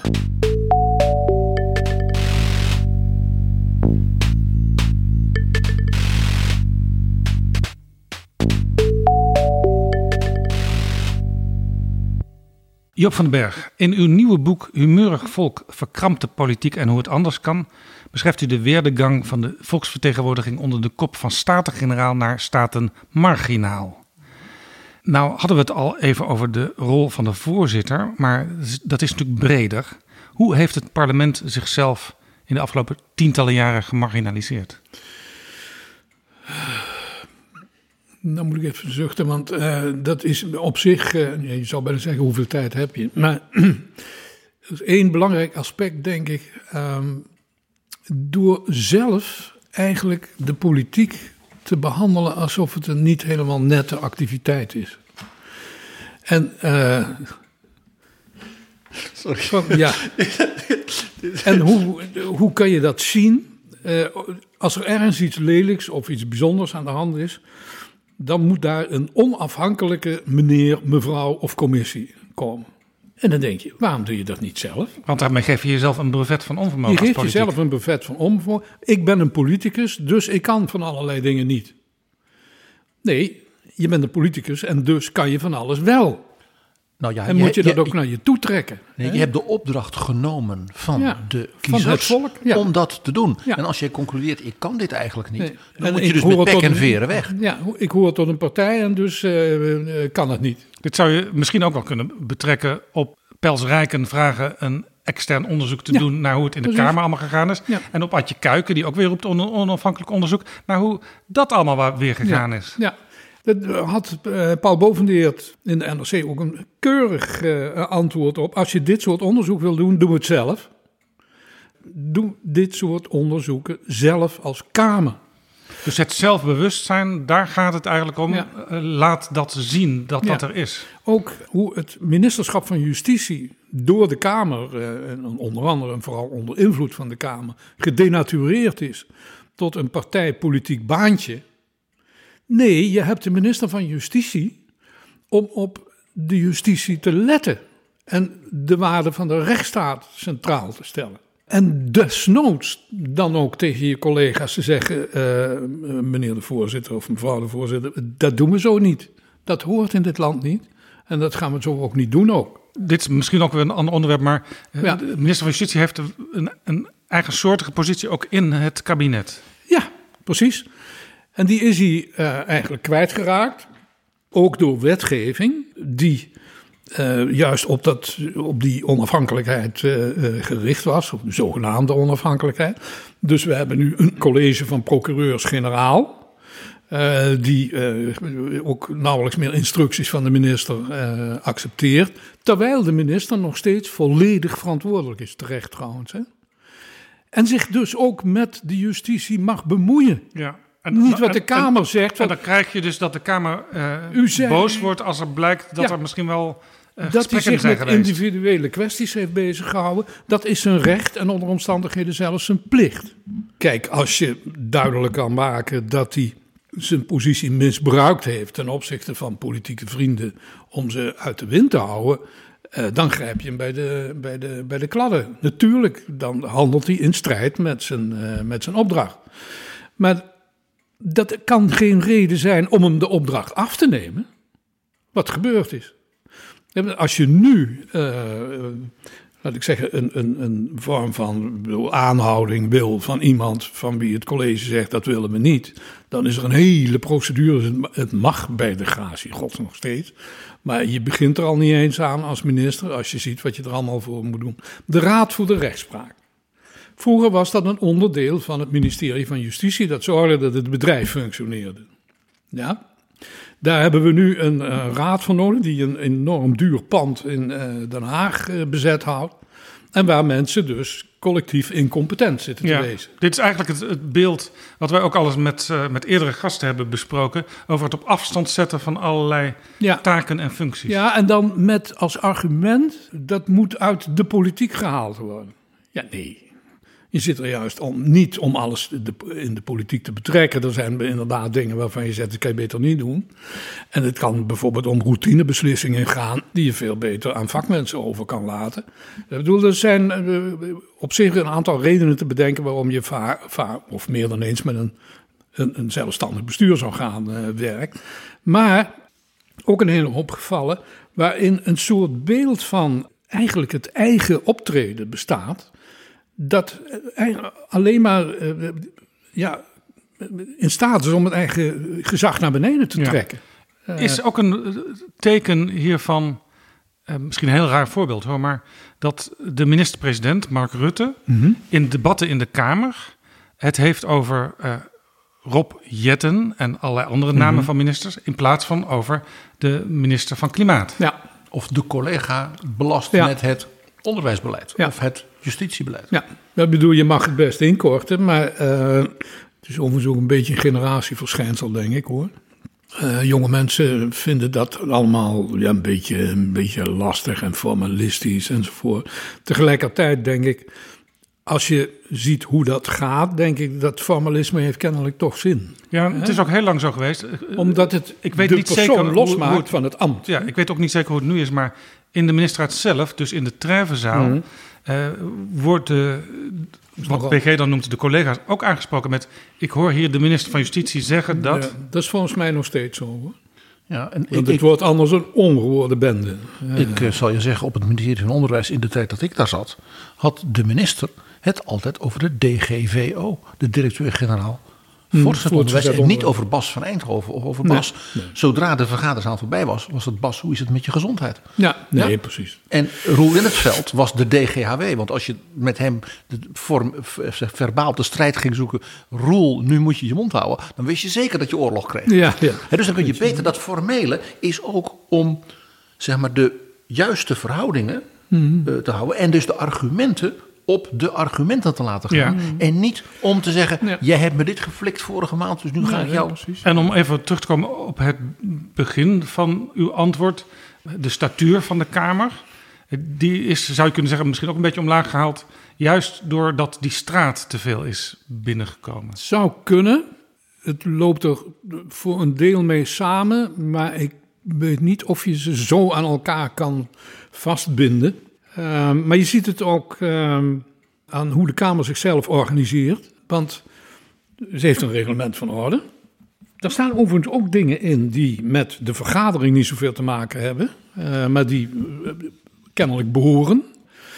Maar dan daarnaast is er dan weer een gedragscode die ze bedacht hebben. En daar moeten weer buitenstaanders bij. Uh, want daar Dat is de- integriteitscommissie. Ja, een college integriteit. Uh, Weet u wie daarin zit? Uh, ja, de namen ken ik niet zo goed, maar um, de, Staat in ieder geval de op voorzitter. Het staat op afstand. Het is een voorzitter die afkomstig is, uh, of die in de Raad van State gezeten heeft. Um, en een oud uh, plaatsvervangend griffier en een of andere hoofddocent uh, staatsrecht. Het is ook nog niet echt Nee. van heel hoog. uh, Maar dus geen mensen met persoonlijke, parlementaire Nee. cv en gevoel en En- ervaring. en Nee, over- alleen en de, overigens- de, voormalige plaatsvervangend griffier kende de Kamer inderdaad heel, Ja. uh, heel Overigens, die commissie is onlangs in actie gekomen. Eh, toen eh, Nou, is de vraag, geweten, de vraag gesteld. eh, de heer Baudet die weigert eh, Ja. zijn neveninkomsten op te geven. Terwijl in het reglement staat dat je dat verplicht dat bent. dat bent verplicht, ja. Eh, en eigenlijk stuurde die commissie ja, de vraag weer terug van wij, wij kunnen hier niets mee. Ja, dat is onzin. Het is namelijk een adviescollege, dus ze kan er altijd iets mee. Wat is dit voor onzin? Nou, het is geen erg eh, competent college. Of ze dat met opzet zo ingericht hebben, weet ik niet. Maar, eh, maar het is alweer zo raar. In Ook dit is weer van die dat- anarchie. Ja, Dit ja, is ook weer die anarchie. dit- want je hebt dus een gedragscode Ja, maar dan met een club van buiten. En dan heb je nog een reglement van orde. En Ja, nou ja, ze hebben een reglement van orde, ze hebben een gedragscode, ze hebben, eh, ik heb het opgeschreven wat ze allemaal nog meer hebben. Eh, en dat kl- dat klopt allemaal niet met elkaar. maar dat is Bovendien- die anarchie. Hè? Dat is die anarchie. Dat is, ja, is een zeker, dat, ja, ja, het is gewoon zelf ja, eh, ik heb die stukken, anarchie. omdat u er in uw boek ook over Ja. schrijft, heb ik ook eh, naast elkaar gelegd. En je ziet inderdaad, het, het sluit niet op elkaar aan, Aan. en het spreekt soms elkaar ook een beetje tegen. voor een deel. Zou er een geïntegreerd document moeten komen? Ja, natuurlijk. bedoel, er moet gewoon één wetgeving voor de Kamer zijn. Een wet zelfs? Nee, ja, ja maar de, wat in de materiële zin een wet is. Ja, want het reglement van orde is de eigen wet uh, van de Kamer in zijn eigen optreden. En dat gaat, behoort dan ook te gaan over de uh, personele kwesties. Want wat er nu gebeurt is een gedragscode. Waar het, de beoordeling allereerst plaats moet vinden door buitenstaanders. Hoezo buitenstaander? Maar die adviseren dan dat, je denkt, uh, ze durven zelf kennelijk niet of zo. Uh, dus dat moet dan maar een beetje naar buiten toe. Maar het gaat dan ook over gedragingen van Kamerleden buiten de Kamer. Daar heeft de Kamer dus helemaal niets te zoeken. Want daar geldt gewoon de justitie zoals we die voor iedere burger uh, kennen. Dus als iemand zich buiten het Kamergebouw op welke manier dan ook misdraagt. Ja. Een, een, Kamerlid beledigt iemand, dan kan ik dat Kamerlid, als ik, als ik mij beledigd voel, Dan doe je aangifte. Dat moet je dan wel doen, want anders gebeurt er niks. Uh, belediging is namelijk een klachtdelict. Maar, um, dus dat loopt door elkaar. Maar tegelijkertijd kan zo'n commissie tot de conclusie komen: hé, hey, maar er is hier sprake van een ambtsmisdrijf. En dan kan de Kamer dus niet meer voor of achteruit. Terwijl het is alleen de Kamer die bevoegd is, en dan ook alleen de Tweede Kamer en de regering, om uh, aangifte te doen van een ambtsmisdrijf. Dat hebben ze nog steeds in eigen hand. Ze zijn er wel aan het proberen of ze daar ook niet vanaf kunnen komen. En alle juristen roepen natuurlijk dat dat de Kamer helemaal niet mag wezen, want die is niet onafhankelijk genoeg. Juristen zijn wat dat betreft een ramp. Uh, die halen alles wat ze kunnen weg bij politieke Want organen. dan hebben zij meer werk. Meer werk en gewoon uit dédain over de politiek. Ja, ja die dat, begrijpen uh, niks van het juridische. Ja, en die faculteiten hebben daar ook last van. Wat raar is, want het is de wetgevende macht. Ja, ja, nee, maar je zou vaak wat meer uh, ondersteuning van vakjuristen willen hebben. Maar precies de bestuursjuristen vooral hebben een, een, een soort dédain ook voor het politieke bedrijf ontwikkeld. Uh, waar je alleen maar last van. En natuurlijk, zij komen de, de, de kwalijke kanten het meeste tegen. Dat zal allemaal wel. Maar uh, verliezen, daar doen we kennelijk ook af en toe het perspectief. Uh, Mag ik hier een specifiek punt? Want dat schiet ineens in mijn hoofd. Bij de algemene beschouwingen dacht de heer Wilders van... ik heb nu het instrument van de moties van afkeuring en wantrouwen zo bot gemaakt... de mm -hmm. voorbije jaren ik ga een aangifte, doen. een aangifte in het debat doen mm. van dat het kabinet zodanig. Het, bestaan van het kabinet mm. is in zichzelf al een ambtsmisdrijf. Uh, en dat moest dan de Kamervoorzitter voorlezen of zoiets. En het interessante is dat niemand in dat debat, inclusief de heer Wilders zelf, er verder ook in de eerste termijn, verder in de tweede termijn. En de minister-president heeft in zijn beantwoording ieder verfijnd detail van de heer Wilders in het kader van de sociale wetgeving, want daar had hij van alles over te vragen, uitvoerig beantwoord zoals de minister-president dat als geen ander kan. Mm. Maar aan het hem betichten van een ambtsmisdrijf heeft hij geen Tuurlijk. woord gewijd. Tuurlijk. Maar kan dat? Ja, zo'n zo, zo aangifte doen?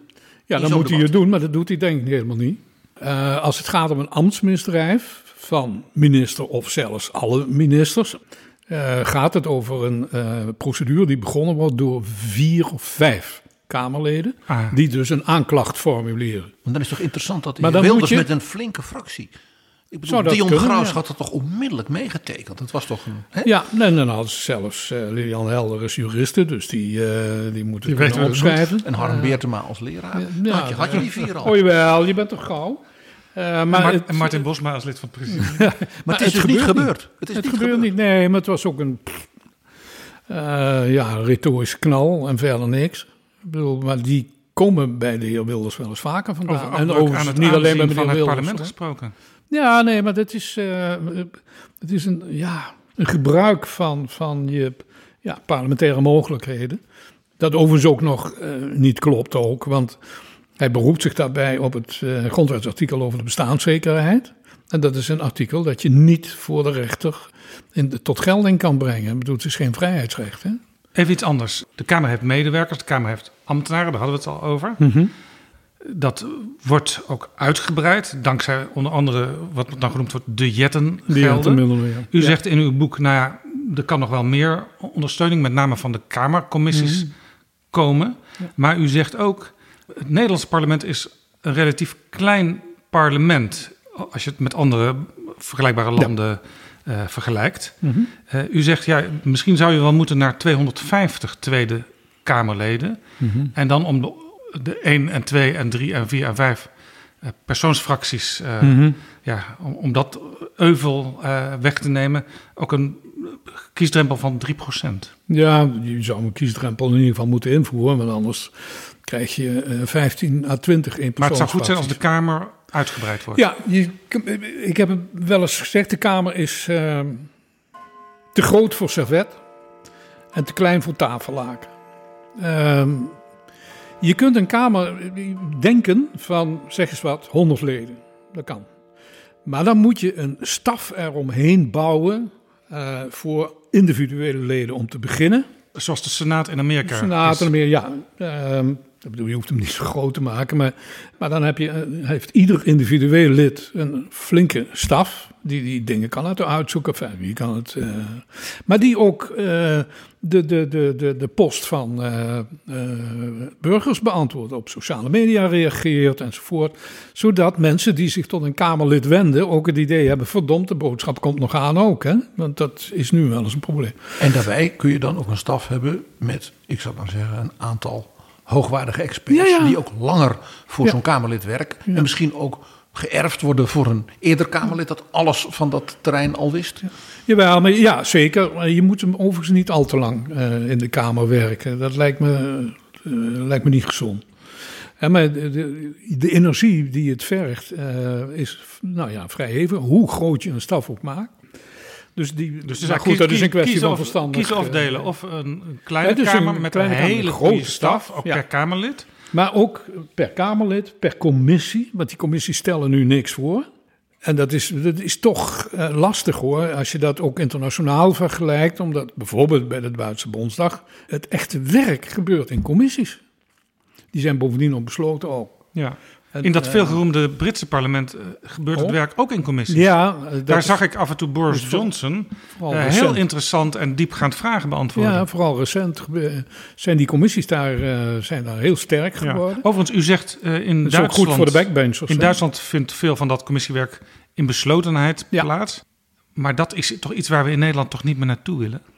Nou, uh, op zich uh, kan ik me goed voorstellen, uh, bedoel, ik kom ook uit dat vak, dat de openbaarheid vonden wij in de jaren 60 een verworvenheid. En in een aantal opzichten blijft het dat ook. Zeker actualiteitenoverleg kan je maar het beste in de openbaarheid doen. Maar wetgevingsoverleg, waar het aankomt op goed kijken naar wettelijke regels, daar kun je echt best van bepleiten dat dat weer in beslotenheid plaatsvindt. Maar omdat het daarna alsnog in de plenaire vergadering verantwoord moet worden. Ja, want ik wil zeggen, ehm, in een rechtbank, de rechter en advocaten, die kijken natuurlijk ook vaak naar hoe is een wet tot stand gekomen. En dan wil je ook graag weten wat er in de commissies allemaal besproken is. Nee, want uh, in het algemeen zal de rechter kijken naar de handelingen. En uh, daar zijn de plenaire handelingen uiteindelijk uh, toch redelijk beslissend. En uh, om je een plezier te doen, vooral de plenaire discussies in de Eerste Kamer. Niet omdat die Eerste Kamer zoveel beter is, maar omdat ze de laatste is die aan het woord is geweest. En de minister dus nog één keer moet Inclusief zeggen, wat hij in de Tweede Kamer misschien aan concessies heeft gedaan of, of verbeteringen door slimme uh, amendementen. Dat hij dan in de Eerste Kamer zegt, nou mijn oorspronkelijk idee was dit, maar dankzij collega Jans of Pietersen in de Tweede Kamer, Eerste Kamer, vindt u dat ook? Ja. Of hij zegt niks. Kan ook. Ik, bedoel, ik heb het zelf meegemaakt met uh, de, de toepasselijk verklaring van de wet op de ondernemingsraad op de overheid. Daar kreeg je dus de spanning tussen politieke besluiten en personele besluiten. En wat gaat er dan voor? En toen ben ik vrij stellig geweest in wat er voorrang had. En daar reageerde de minister niet op. Die dacht, ja, ik ga daar niet aan beginnen.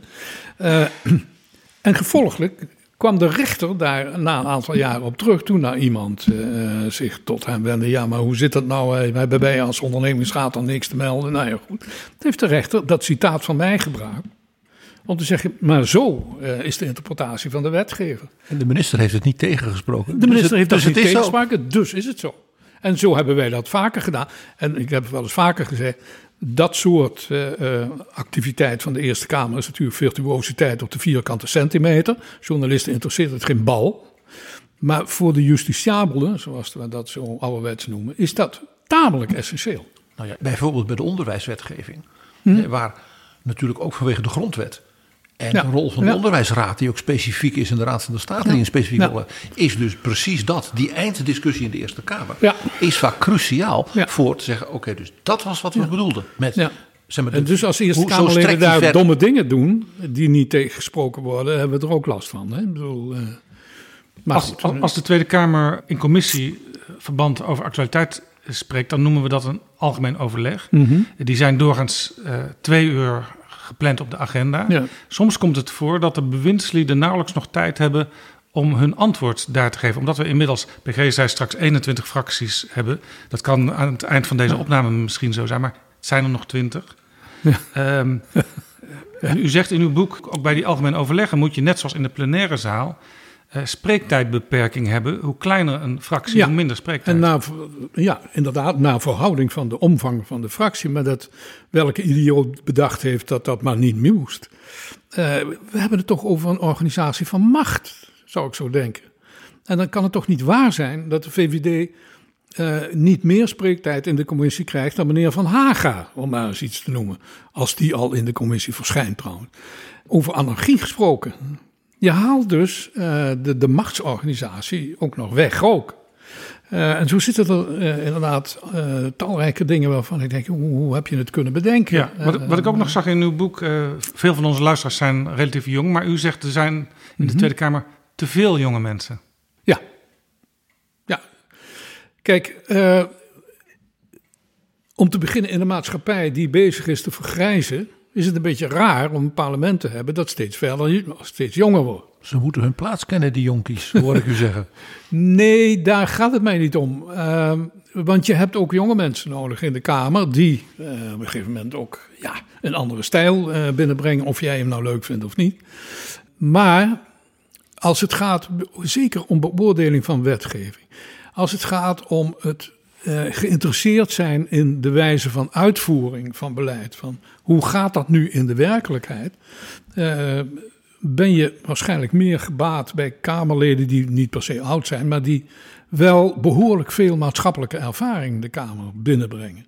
En het is nu toch uh, iets te veel een Kamer van mensen die bestaat uit gewezen fractiemedewerkers. Ik overdrijf nu eerlijk gezegd, maar, het is, wel, waar. Het, het, is voor een deel waar. Ja, is in de jaren zeventig eigenlijk al begonnen, want toen schreef u een boek, het Prefab-Kamerlid, en dat ging ook Dat ging daarover, ja. ja. En daarvoor een verhaal in S&D. Zou dan nu dus een eh, pop Geïsoleerd op het Binnenhof. Uh, het gaat u niet om de leeftijd, het gaat u om de cv. karakter is overigens wel wat minder geworden. Maar dus de, de, de variëteit is zeker groter geworden dan in de jaren zeventig. Dus er is niet alleen achteruitgang. Maar uh, het is nog steeds erg jong en vooral ook jong weer weg. En kennelijk branden jonge mensen in zo'n omgeving sneller op. En er zijn ook partijen uh, die zeggen. Ja, na acht jaar is het Niet de partij, na acht jaar of ja, maximaal twaalf ja, jaar moet je weg, wegwezen. Ja, met de VVD is dat. Uh, ik vind dat inderdaad op zijn minst nogal nadelig. Want je ziet mensen vertrekken waarvan je denkt, die beginnen nu echt op gang te komen. En het, is, het duurt echt heel lang voordat je in de gaten hebt waar het nou om draait. En voordat je zelfs maar de macht krijgt over de agenda. Ja, want ik zie het bij jonge Kamerleden en veel Kamerleden, dat ze voortdurend uh, de greep kwijt zijn op hun eigen agenda. Ik bedoel, het is ook uh, gekke werk wat er allemaal moet gebeuren. Dat wist en zeker met kleine fracties is dat nog veel erger. Freule Witwel, die wist dat vroeger al, hè, dat het gekke ja, werk dat was. maar ja, vooral omdat ze s'nachts uh, zo lang doorging. Ja, dat is dan nu wat minder. Dat, is dat die jonge mensen zeggen, ik wil gewoon naar het gezin. Dat ja, was vroeger veel ja, minder. Ja, nee, precies. Ik bedoel, uh, laat ik zeggen, de, de verhoudingen uh, die, die zijn gegroeid tussen man en vrouw, uh, of sowieso tussen partners. Die wilt u niet terugdraaien? nee, nee, nee, maar dat, dat, zag je in de loop van de jaren, bedoel, zag je dat ook sterk veranderen. Ja, goed, ik bedoel, de romantiek van Nieuwspoort, s'nachts om vier uur, het is allemaal leuk hoor. En als je daar binnenkomt dat iemand ondersteboven van de trap afdonderde, omdat hij echt iets te bezopen was, daar moet je niet meer aan verlangen. Dit is Betrouwbare Bronnen. Ik heb nog twee concrete suggesties, geïnspireerd door uw boek. Hm? Ten eerste, we hebben natuurlijk in de Kamer nu uit de historie de gedachte dat een lid van de Kamer wordt voorzitter. Waarom? Want die kan Ja. dat. En die is ook een van ons, zeggen ze daar. Ja. Zeker. Maar waarom moet dat? Waarom zou je niet, zoals de Partij van de Arbeid heel lang had, een Annemarie Grebel-achtig type, hè, die dus die partijraden en congressen voorzat, waar iedereen een beetje bang voor was, maar die wel zorgde dat, dat er de besluitvorming kwam, Mhm. dat je een Annemarie Grebel Kamervoorzitter maakt. Dat is de 151ste. Die zit dus niet in een fractie, stemt ook niet mee en is ook niet de CEO van het apparaat, dat je zegt dat is iemand anders onder het gezag van het Maar presidium. between you and me, Annemarie Grevel was om te beginnen lid van de partij. Maar dat mag. Ja, nee, maar lid van de partij, dan ook lid van de Kamer. Hè? En bovendien was ze zelfs officieel congresafgevaardigde. Dus ook lid van het parlement, eh, zal ik maar zeggen. Van de PvdA. Van de Partij van de Arbeid, precies. Wat ik daar maar mee wil zeggen is dat ik een voorzitter die niet lid is van de Tweede Kamer... echt een onaanvaardbare oplossing eh, zou vinden.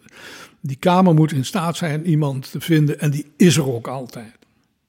Als hij eh, bereid is een beetje het ambacht te leren, die in staat is om, een Kamer voor te zitten. We hebben, let wel, in de loop van de geschiedenis nu wel een paar voorzitters gehad die redelijk mislukt zijn. Het interessante is overigens dat de Kamer zelf daar nooit ingrijpt. Ik bedoel, Het is één keer gebeurd met Van Bijland in 1911. eh, waarvan iedereen wist, "Maar, die man die deugt helemaal niet voor dat vak. Die is ook niet opgewassen tegen rumoerige Kamerleden. Maar het was toen koningin Wilhelmina die ingreep. Want toen benoemde de koningin nog op voordracht van de Kamer. En die zei, ik kom niet naar eh Prinsjesdag, zolang als die man eh, daar nog zit. Dat was weer haar, haar Russisch bloed, hè? Ja, dat was overigens op het verkeerde moment. Want dat was de eerste keer dat er een grote demonstratie van de SDAP was. En zij eh, laden natuurlijk het verwijt op zich dat ze bang was voor de rooien. Wat reuze meeviel als het erop aankwam. Het moet wel iemand uit de Kamer zijn. Het dat moet echt iemand uit de Kamer zijn. En je moet het risico nemen dat hij, eh, dat hij niet goed eh, tegen zijn ambt is opgewassen. Ik hoorde- ik maar hoorde- laten we wel wezen, in het algemeen eh, ken ik maar weinig voorzitters die daar niet tegen opgewassen zijn. Ik hoorde deze week een mooie suggestie. Mocht Vera Bergkamp sneuvelen als voorzitter. Hmm. Er is er eentje die zich ook heel erg verdiept heeft in Ja. hoe de Kamer functioneert en hoe de voorzitter het reglement zou moeten en kunnen hanteren. Dat is Kees van der Staaij van de SGP. Hmm, dat zou kunnen, ja. ja. Of het overigens een hele sterke voorzitter zou wezen, weet ik niet. Want dat, daar zijn ook nog menselijke trekken voor nodig eh, die ik bij hem nooit gezien heb. Je moet over ook een zekere schurkachtigheid in je lijf Dan heb hebben ik zitten. nog veel betere. Omdat je ten dele, en dat zie je dat dat bij Vera Bergkamp zoveel moeilijkheden oplevert. Je moet anticiperen op wat er komt. Je moet een beetje filijn durven zijn. Ja, en je moet zien aankomen, die gaat geintjes uithalen.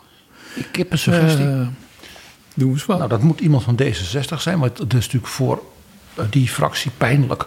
Hè, als mevrouw Bergkamp zou vertrekken en dan ko- komt, het, komt er iemand van een hele andere Dat fractie. hoeft niet. Ik zie u kijken. Het hoeft niet. Het hoeft niet iemand van D66 te zijn. Maar ik heb een D66. Ja. Nou ja, je, je ga je En ja, dat betekent dat hij een ambitie die hij nu heeft, eh, moet laten varen. En dat is natuurlijk Paul van Menen. Die Hm. Oh, heeft zo, ja. laten zien, nu een aantal keren, dat hij Hij de, de, de voldoende eh, eh, zure vilijniteit heeft, een beetje Hm. à la Dolman, eh, om eh, ook zeg maar eh, zeer lastige, schreeuwerige. Kamerleden Ja. flink aan te pakken. Mhm. Ja, dan kan hij niet, zoals u, lid van de Eerste Kamer worden nu. Nee. Dus dat offer zou D66 moeten brengen. dan kan deze enge ministerploeg makkelijk de andere artikelen van deze noodwet Nee, activeren. meneer, nee, zo gaan we het niet doen. We gaan niet beledigen, enge ministerploeg. Dat moet u echt terugnemen, anders eh, kunt u meteen vertrekken wat mij betreft. Dus dat neemt u terug. We hebben hier geen enge ministerploeg. Zegt u het maar. Ik neem dat niet terug. Oké, dan eh, ontneem ik Nee, het woord. dan een punt van orde over de voorzitter. Ja, niks punt van orde. Ik ben de voorzitter. Nee, prima. Ik heb u gezegd wat de sanctie daarop is.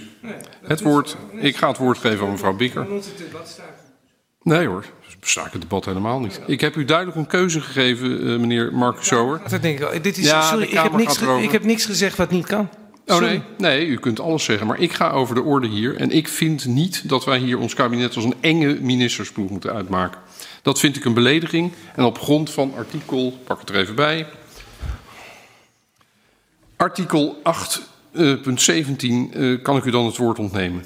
Dus ik geef u de gelegenheid, want u bent namelijk aan het beledigen. En als u dat doet, ik dan kan ik de u... rest kan van de ik u- Kamer horen. Nee, ja, de- u, u kunt van alles willen, maar ik ga hier over de orde. En ik weet niet wat u zich ermee kon bemoeien, meneer eh, Van Hagen, maar ik ga hier over de orde.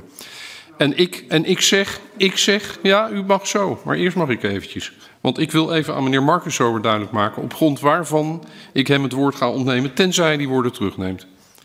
Dit kan gewoon niet. Dit moeten we niet doen. We staan hier eh, voor een publieke tribune.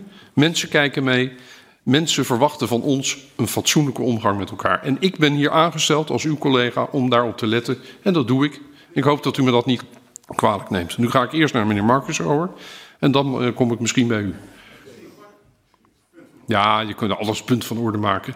Dit is geen punt van orde. Dit is, een, dit is de orde handhaven. Dat is wat ik doe. En dan heb je een beetje een dolmanachtige voorzitter. Nee, ja, leg het er maar eens voor. maar ik ben niet van het personeelsbeleid van de Kamer, dus ik, eh, ik wacht het staan van rustig af. D66. Ja, dan liever helemaal niet. Nee. Nee. Tot, tot slot van dit gesprek wil ik eh, nog even iets heel anders doen. Ik wil nog iemand voordragen voor de bokaal voor degene die vorige week het lied van de hypocriet zong. En die bokaal die gaat naar het Kamerlid Geert Wilders. Want hij twitterde, Vera Bergkamp en het presidium hebben gefaald. Ze gaan niet over Kamerleden. Ze hebben Ariep niet tijdig geïnformeerd, achter haar rug over haar gesproken... en mogelijk is er uit hun midden ook gelekt. Schandalig. Sterkte, Khadija Ariep. Dit verdien je niet. Mhm. Los ervan dat Wilders hiermee ook zijn eigen partijlid Martin Bosma voor de bus gooit, want die zit in het presidium, Mhm.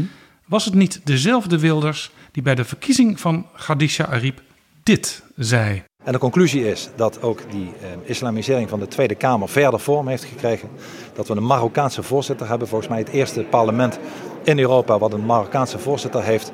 En ja, de beste kandidaat, wat echt Martin Bosma was, neemden we niet kwalijk. Dat bleek echt ook in de reacties eh, die ik eh, zag na zijn eh, toespraak.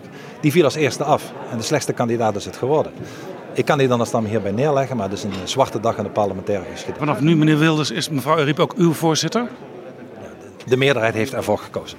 Dit was Wilders, notabene in mijn microfoon. Ik werkte toen voor BNR Nieuwsradio.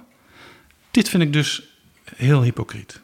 En toch denk ik dat, eh, dat je daar nou, de, de verkeerde kwalificatie aan geeft. Oh. Wilders is een, een iets wat gecompliceerder mens dan eh, zoals hij nu wordt voorgesteld. Natuurlijk. eh, eerst begint hij met dat verhaal over Marokkaanse, dat kan helemaal niet, enzovoort. Hij disqualificeert haar op Ja, haar, op haar Ja. religieuze opvoeding en achtergrond. En dat is buitengewoon bedenkelijk. Ja, dat, natuurlijk is dat bedenkelijk. De haat tegen D66 is vele malen groter dan tegen uh, Khadija Ariep.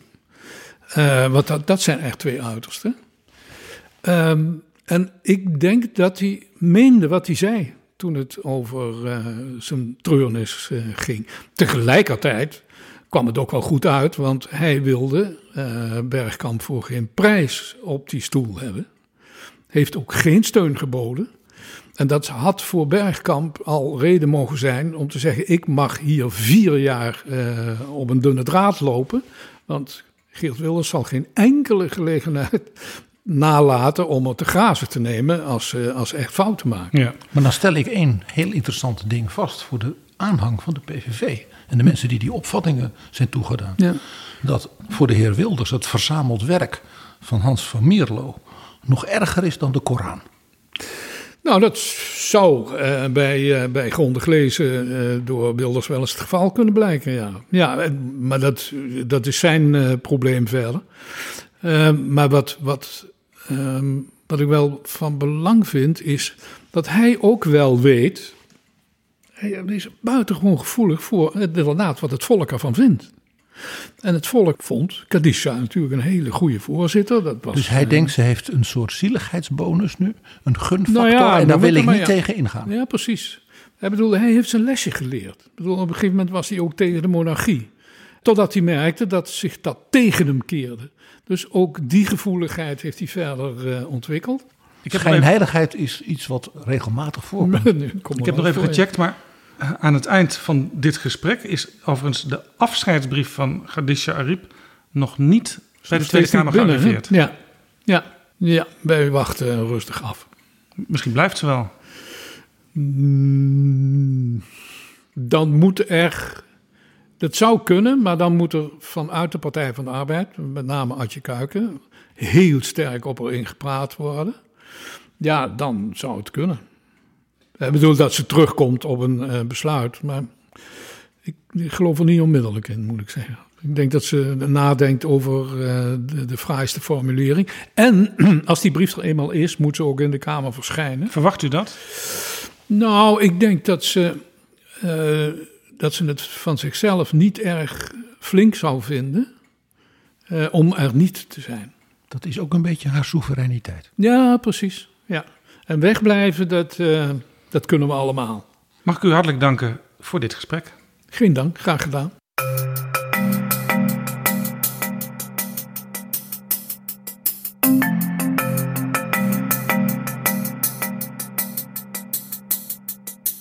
Zo, dit was Betrouwbare Bronnen, aflevering 297. Deze aflevering is mede mogelijk gemaakt door de vrienden van de show. Mensen die met een donatie nog veel meer afleveringen mogelijk maken. Wil jij ons ook helpen? Ga dan naar vriendvandeshow.nl slash bb. En voor die vrienden stelt uitgeverij Prometheus vijf exemplaren beschikbaar van Humeurig Volk, Verkrampte Politiek en Hoe het Anders Kan. Lange titel.